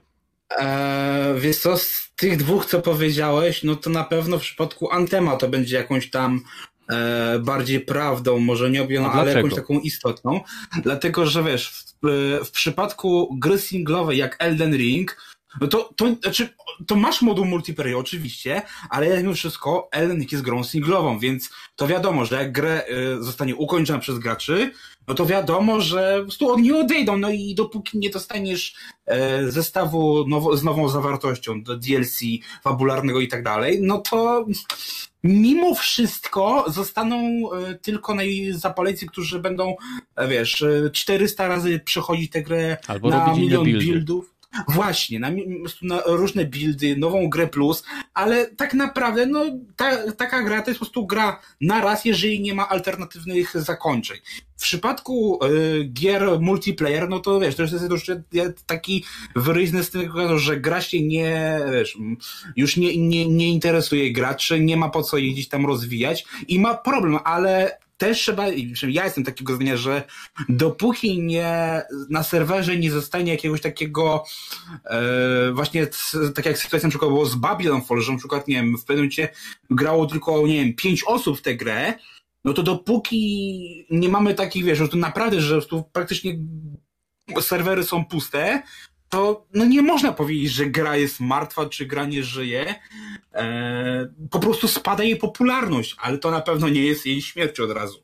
Bo wiadomo, że w pewnym momencie, no tak jak powiedziałeś, ludzie przechodzą na inne tytuły, bo no wychodzą inne rzeczy, bo tak jakbyśmy grali tylko w jedną grę, no to okej, okay, bo mamy tylko jedną możliwość. Ale w takim sytuacji, to jest mówię, to jest naturalne, że dopóki e, trzymasz zainteresowanie graczy właśnie przez nowy content, to to zainteresowanie będzie. Jeżeli przez dłuższy czas go nie ma, no to wiadomo, że naturalnie to zainteresowanie spadnie. No a jeżeli gra jest po prostu kupsztelem, to wtedy nawet y, dodatki mogą nie uratować gry. Patch Battlefield 2042, nie?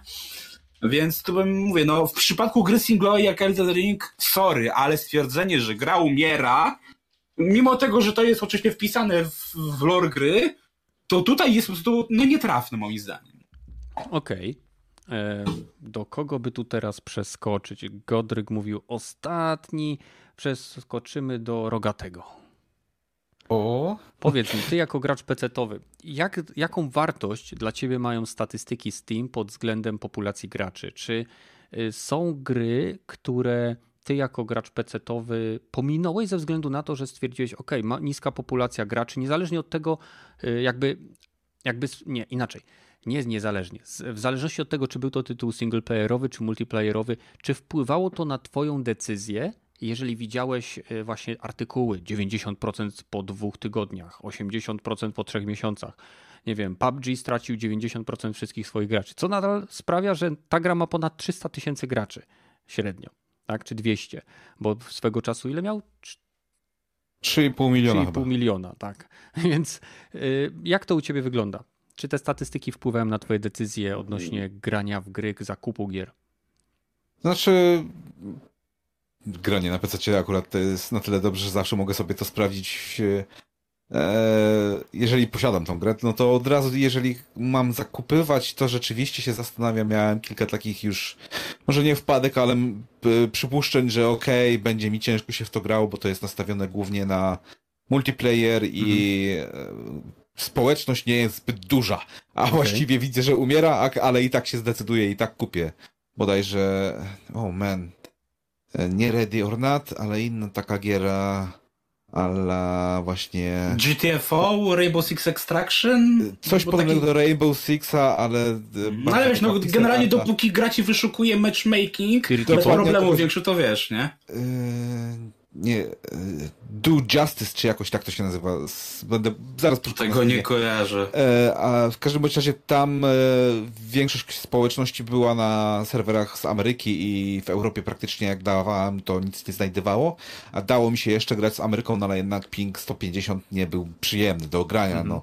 To przy takiej grze na, zwłaszcza ze Steama się poważnie zastanawiam, czy warto się w to pakować, bo jednak może się to skończyć tym, że będę miał grę, w którą nikt nie gra. I tutaj właśnie te, to jest najważniejsze rozróżnienie. Jeżeli jak, z jakiegoś powodu, z powodu małej ilości osób będzie się w tą gra, e, gra się będzie stawała niegrywalna albo prawie niegrywalna, no to, to nie, no to, to jest dosyć duży minus dla gry. Wiem, Ale to że... wiesz, jakie jest lekarstwo na to, nie? Po prostu w przypadku gry multiplayer kupujesz ją na premierę, póki jest nią największe zainteresowanie.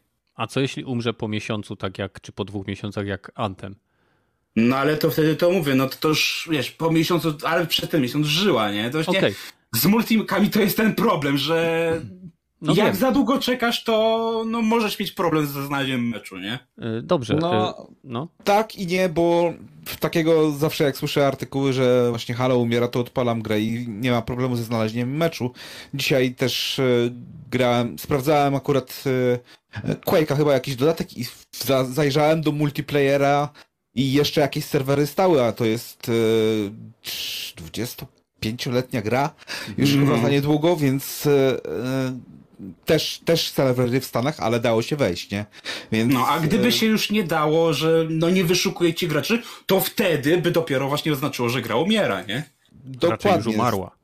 Tylko, że jest specyficzna grupa gier, którym e, która wymaga ciągłego przypływu nowych graczy, aby ci, którzy już grają od dawna, nadal czuli komfortową rozgrywkę. Czy looter shootery, czy, czy właśnie e, jakiegoś giery, które mają bardzo high skill ceiling, to jednak potrzebują tych nowych, żeby ci, którzy bardzo długo grają, czuli się masterami. No, czy Call of Duty, to musimy mieć nowych graczy od czasu do czasu. Właśnie dlatego 40 tysięcy kont na miesiąc badują i potem kolejne 40 tysięcy kont e, się pojawia z powrotem e, z każdego miesiąca na miesiąc. Mieszają jednak, po prostu. Mieszają, dokładnie. E, I tu są gry, które ewidentnie kończą się w momencie, gdzie nawet jest 300-400 osób, y, a jednak jest to zbyt mało, żeby zapełnić serwer i mieć rozgrywkę taką, jaką była przeznaczona na tej gry. Nie, okay. nie sądzę, żeby w Battlefielda zagrał, bo właśnie na PC jest taka porażka już w tej chwili, że większość serwerów jest zapełniona botami.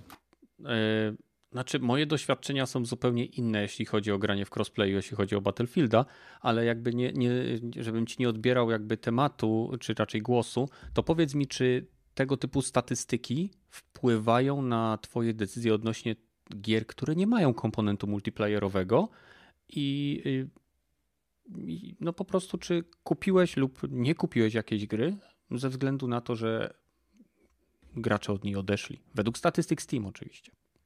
O nie, no to zazwyczaj właśnie ja tak e, zaglądam do gier indyków gdzieś e, rok albo półtorej po premiery, gdzie cena jest odpowiednia i już mało osób to gra, bo wiem, że jest skończone tak jakby developing tej gry i będzie można sobie e, spokojnie, bez błędów przejść tą grę. No, ostatnio Ascent miał chyba ponad rok temu premierę i mam tak. tą grę wreszcie na Steama i, za, i zapowiedzieli nowy dodatek i przypuszczam, że ten nowy dodatek sobie zapuszczę jak tylko się pojawi i zacznę grać tą grę od nowa, ten, mimo że pewnie e, ilość graczy, bo tam jest też multiplayer, jest. można to... to nawet chyba crossplay to, jest. Chyba jest nawet crossplay. To nie interesuje mnie to specjalnie, bo jest możliwość przejścia tej gry jako solo, nie? te, teoretycznie jest możliwość przejścia Outridersów solo i tak zrobiłem całą grę, ale chyba sobie zrobiłem kuku robiąc to właśnie samemu, bo mi się tak nie chciało w to potem samemu grać. No nie, że aż nie. bolało.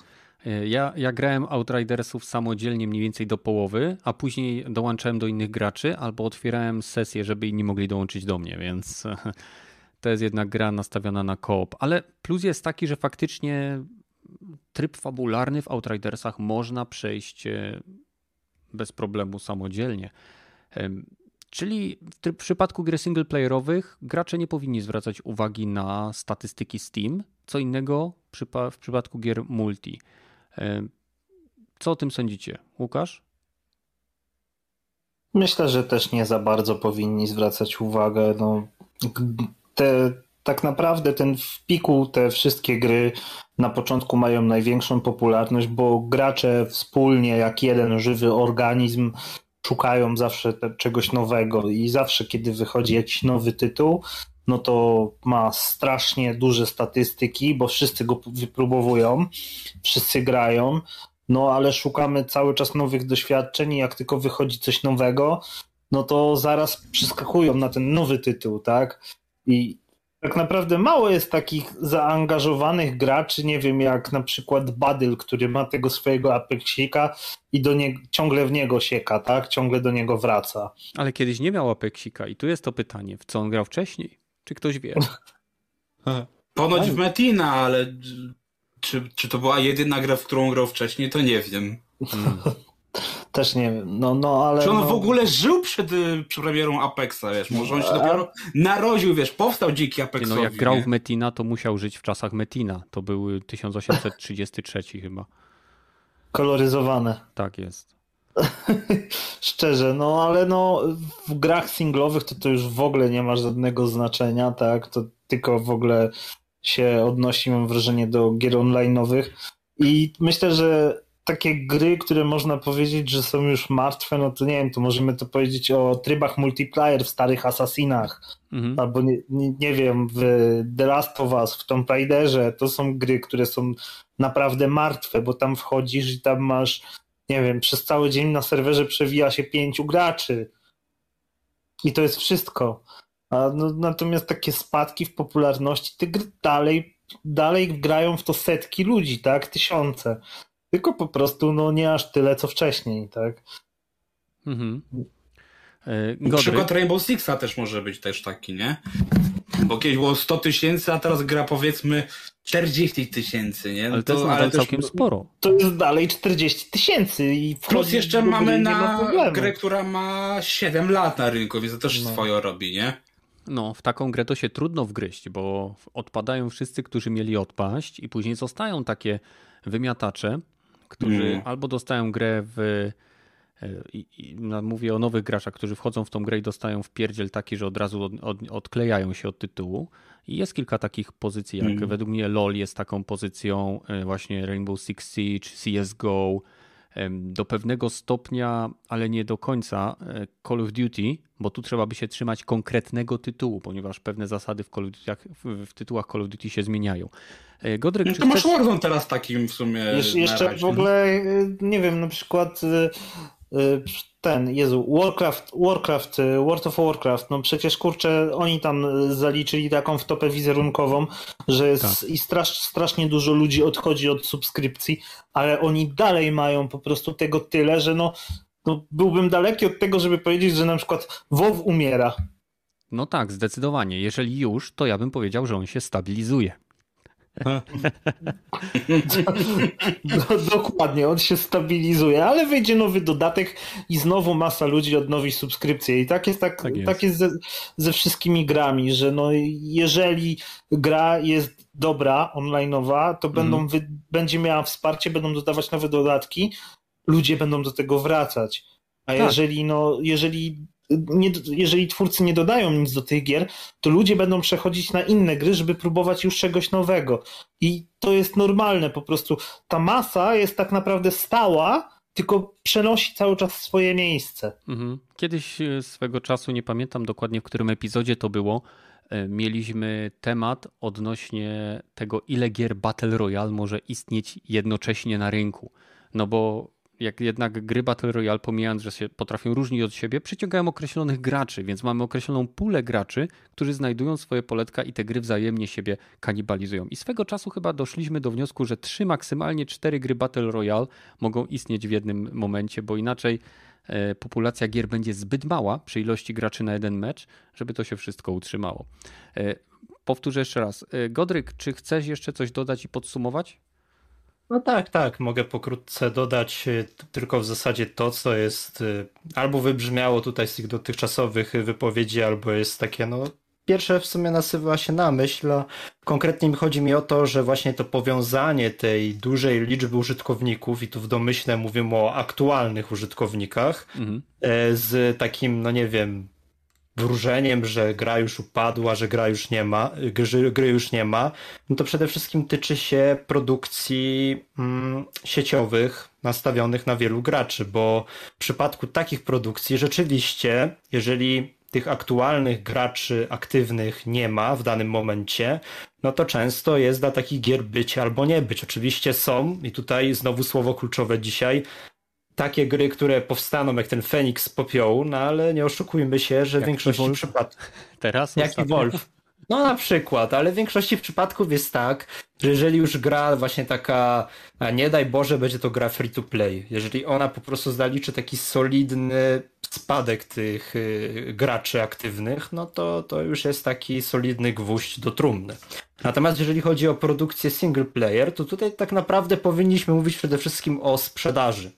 Oczywiście są takie fenomeny jak Elden Ring, że sprzedał kilkanaście milionów egzemplarzy praktycznie w tym okienku premierowym. Jeżeli, mhm. no, dla mnie takim okienkiem premierowym, no to jest taki okres miesiąca przed premierą i po premierze, no to możemy powiedzieć, że mniej więcej Elden Ring w to się strzelił. E, natomiast później sprzedaż będzie systematycznie spadać. Ale jeżeli ukazałby się nagle jakiś dodatek, no to nagle, i to jeszcze nie samodzielny, no to nagle ludzie zaczną znowu kupować tę singlową grę, pomimo tego, że od premiery minie rok, dwa.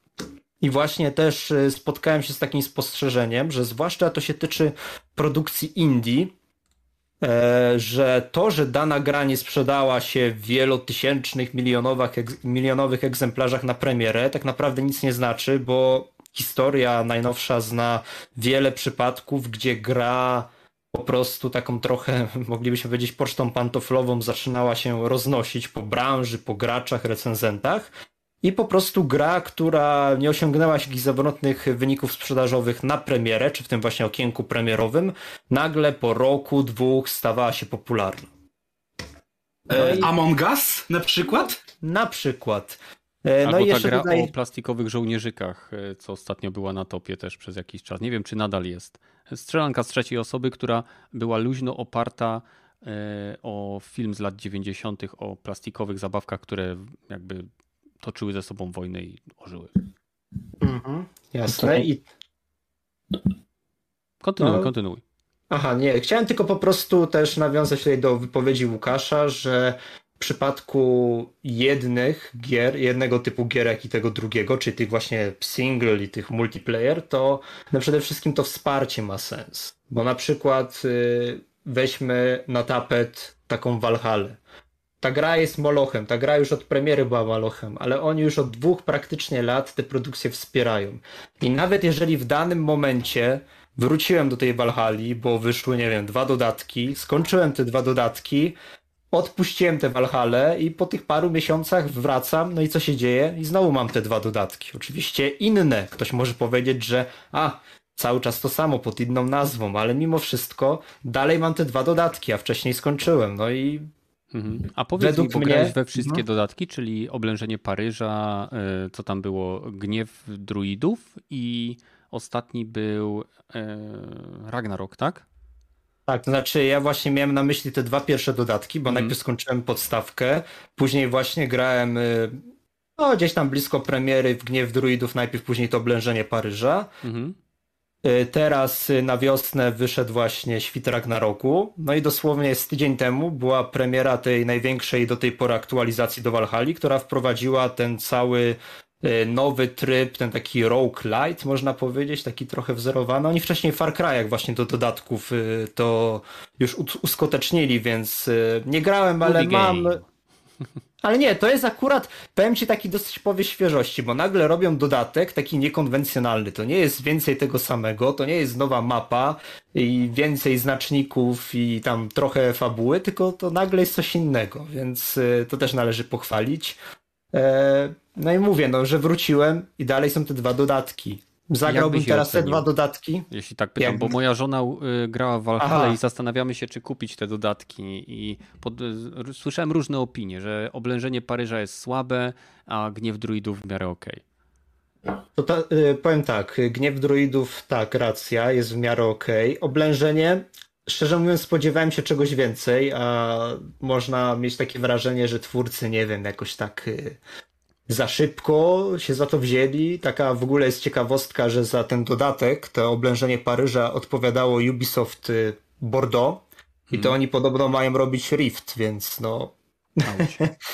znaczy auć. Y, wprowa- właśnie to jest to, że w tym dodatku oblężenie Paryża pojawiły się, co ciekawe, misje stealth. I to takie misje trochę wzorowane na nowych hitmenach. Oczywiście to wszystko było bardzo uproszczone, typu, że wchodzimy na jakiś tam teren, mamy trzy wejścia, możemy do wroga podejść w taki sposób, że możemy go z ukrycia, tam dokonać skrytobójstwa, otruć go i tak dalej. Czyli taki trochę vibe nowych asasynów. I już słysząc to, nie wiedząc nawet, że to samo studio ma robić te Rift, które ma właśnie powrócić do korzeni, no myślę, że oni to taką samą wprawkę robili w tym momencie. Mhm. Że właśnie takie tego typu misje. No ale te misje też były w Unity, co bardzo w sumie żałuję, że później do nich nie wrócono. Właśnie Ale o tym no. pomyślałem, jak zacząłeś mówić o tym. Tak, Black Box Missions, jakoś tak to oni określają i to właśnie były te misje, gdzie mieliśmy po prostu cel i brać sobie sam, tu możesz wejść, tu możesz się przekraść, tu możesz strażnikowi ukraść klucz. Możesz tu możesz tam... podpalić fajerwerki i odwrócić Dokładnie. uwagę straży. Tak. tak, i właśnie nawet powiem tak, jeżeli ktoś zastanawiałby się, żeby ten dodatek sobie ogarnąć, to oblężenie Paryża, to choćby właśnie na próbę nawiązywania do tego typu y, misji, tego typu e, ukształtowania, tej zawartości, to myślę, że tutaj jest na pewno warto. A co do okay. świtu Ragnaroku, to się nie wypowiem, bo nie grałem. To dobrze, bo Agata uwielbia misję stealth. Najbardziej jej się podobał y, Assassin's Creed Syndicate, gdzie mhm. właśnie można było zabijać cele na wiele różnych sposobów, że można było tam zatruć żarcie, nie wiem, wino, y, nie wiem, strzałką jakieś. No, tych, tych jakby mhm. dróg na zabicie, do zabicia było sporo.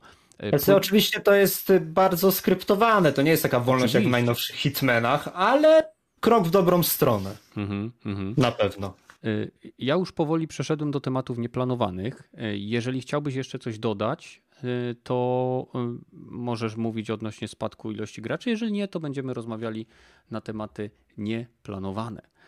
To nie i w sumie mógłbym od razu zaproponować jeden temat, żeby ja, już tam proszę. Był. Proszę.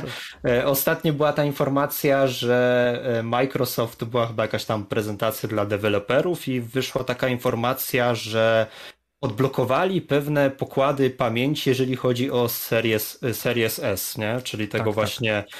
mniejszego Xboxa, który takie przynajmniej były wypowiedzi niektórych deweloperów, bo co ciekawe, deweloperzy tacy jak Ubisoft, którzy, no wiadomo jaką sławę ma Ubisoft, nie to, że ich tutaj jakoś specjalne bronie, ale fakty mówią same za siebie. Oni naprawdę potrafili zrobić w swoich oczywiście dotychczasowych grach od początku nowej generacji no niezły użytek z tego Series S. Taki chociażby Far Cry 6 działa. Wiadomo, cały czas mówimy o dynamicznych rozdzielczościach, czy to w przypadku e, mocniejszych wersji konsol, czy właśnie w przypadku Series S, ale oni tam zrobili dynamiczne 1440p i 60 klatek. Mhm. Więc da się, a gra, że tak powiem, no nie jest taka mm, E, dosyć prosta, to znaczy gra jest, e, jeżeli chodzi o grafikę, wiadomo, no to na, na konsolach to zawsze będzie trochę gorzej niż na PC, ale no jest naprawdę bardzo ciekawie to zrobione i można powiedzieć też, że każda gier z Ubisoftu, tych nowych, na Series S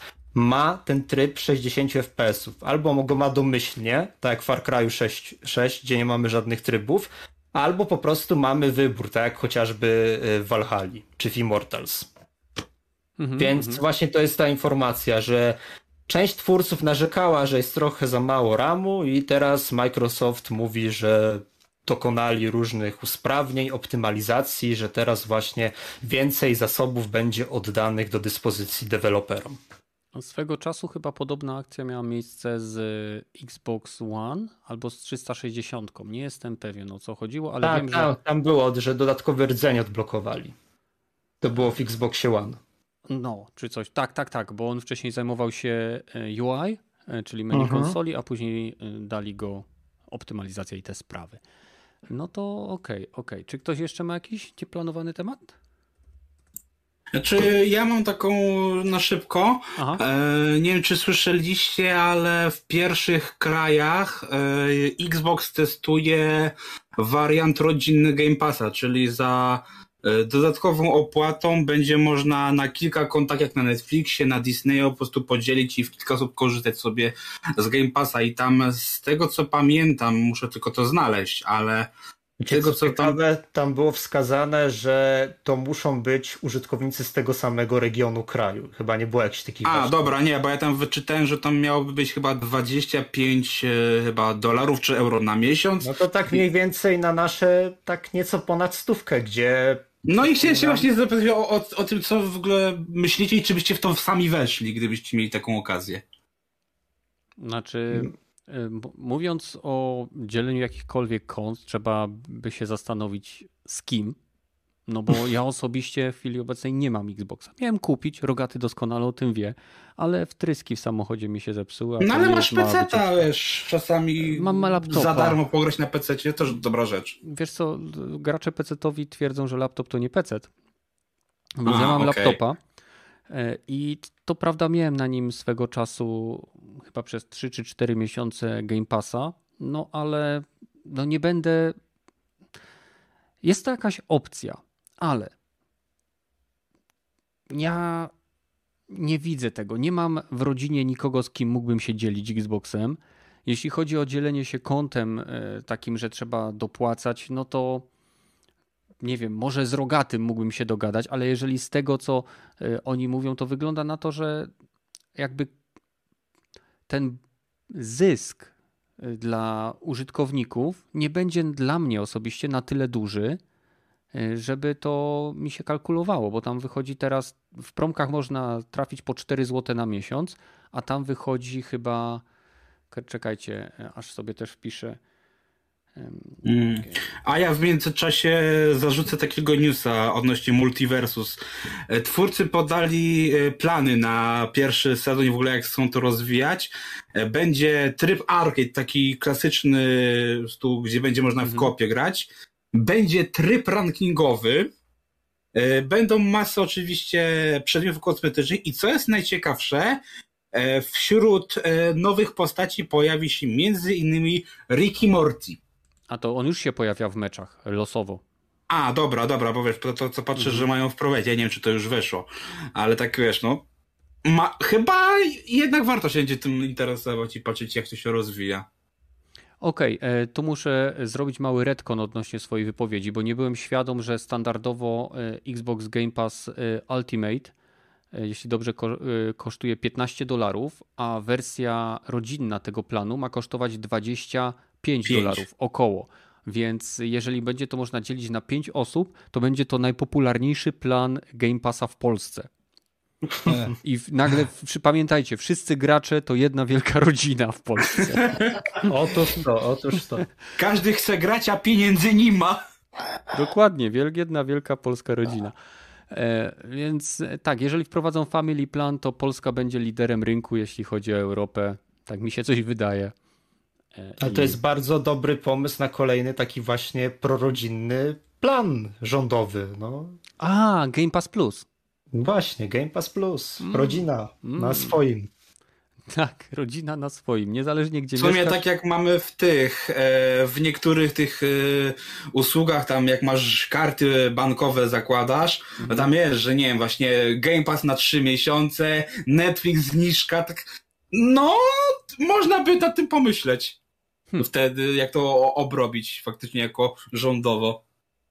No bo tak jakby nie patrzeć, mniej więcej, tak oczywiście z tych informacji, które mamy do tej pory, no to ten Game Pass plan rodzinny e, mniej więcej wygląda tak, że biorąc pod uwagę te oficjalne obecne ceny, no to będzie tak naprawdę dla tych dwóch osób z tych czterech, które będą mogły z niego skorzystać, tak naprawdę za darmo.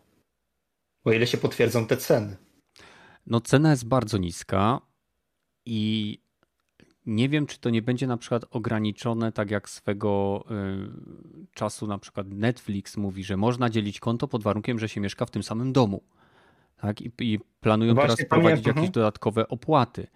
E, no a tutaj na przykład mamy sytuację, gdzie mój brat mieszka w Warszawie, ja mieszkam e, tutaj na Śląsku, w okolicach Katowic i my korzystamy, załóżmy, z tego samego konta PlayStation, no bo to jest moja rodzina, tak?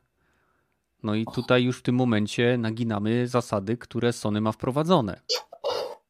No i wtedy mnie jeszcze jedna rzecz ciekawi. Czy jeżeli będzie ten plan, to czy wtedy też będzie ten model 4 zł za pierwszy miesiąc? Bo jeżeli. O, bez przesady. To wprowadzą, to wiesz jak to się skończy. Będzie, będzie 16 zł za pierwszy miesiąc. Nie, dajcie spokój. Już dają za, w zasadzie za darmo tego Game Passa za 4 zł. Robią game plan na 5, 5 graczy czy pięciu cebularzy, e, którzy, którzy będą się składać po 5 dolarów. To jest 20 zł za miesiąc. No to proszę was, no to chyba Microsoft nie jest. Ja rozumiem, że oni są kochani, robią wiele dobrych zmian, Game Pass i w ogóle, i kupują te wszystkie firmy, żeby te firmy robiły lepsze gry i, i chcą, żeby każdy mógł grać wszędzie, chyba że to PlayStation. E, I super, ale oni też potrzebują pieniędzy. Oni to robią hmm. dla pieniędzy. No ale wiesz, Microsoft jako Microsoft nadal ma Office'a, nadal ma Windowsa, na którym trzepie hajs. Więc wiesz, oni, u, u, u nich dalej ten Xbox jest tylko taką, wiesz, ale kulą nie, nie, u nogi. Ja nie twierdzę, że Microsoft nie ma dużo pieniędzy. Ja tylko twierdzę, że Microsoft, Microsoft, chce więcej pieniędzy, tak jak Sony chce więcej pieniędzy, Amazon chce więcej pieniędzy i Google chce więcej pieniędzy. Do korporacyjnej no chciwości i... możemy wracać ile razy chcemy.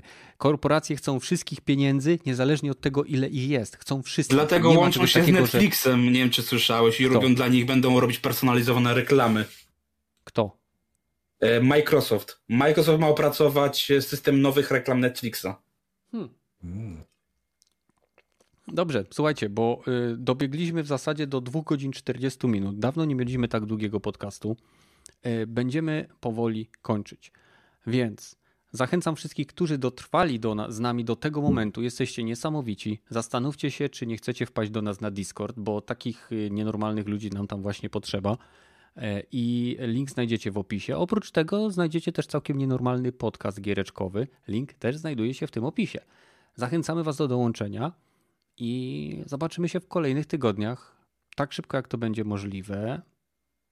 Trzymajcie się. Cześć.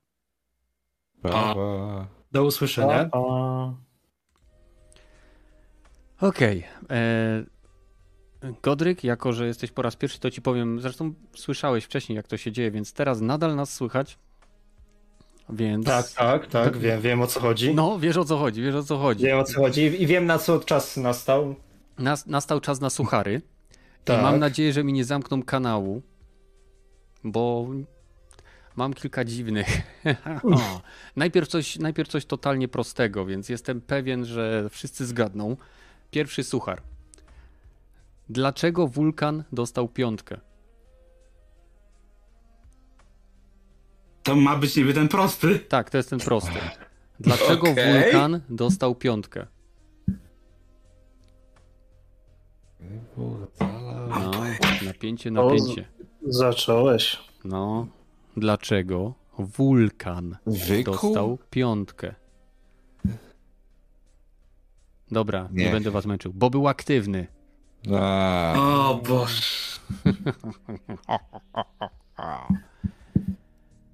okay. Faktycznie.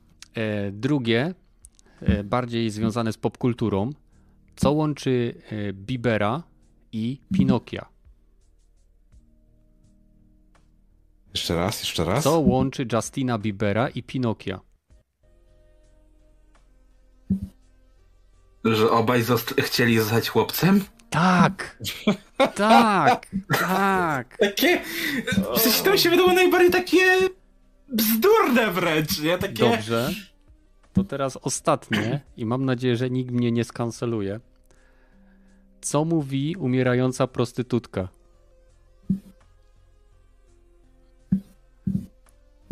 Co mówi umierająca prostytutka? O kurde. Na to już nie mam pomysłu. No? Ktoś? Coś? Mm, nie powiem tego, co mi przychodzi do głowy. No ja to muszę powiedzieć, tak? Tak. Dobra, długo już nie pociągnę. O Jezus! O Boże, dobre. To ja może jeszcze tak y, w kontekście, mhm. może ja coś jeszcze zaproponuję. No to tak mi się jakoś tak nasunęło na myśl. No. E, to jak określimy panią, bo tutaj to jest przede wszystkim panią y, twórczynię gier, która się źle prowadzi. Oj, no to chyba wow, tego nikt nie zgadnie. na koniec. Mhm. Że pani twórczyni gier, która się źle prowadzi. Eee... Nie wiem. Pato deweloperka. Okej. Okay. Dobrze, dobrze. Krzysztof e, W. napisał, co mówi dentysta do chłopca na fotelu? Otwórz buzię, to nie plebania.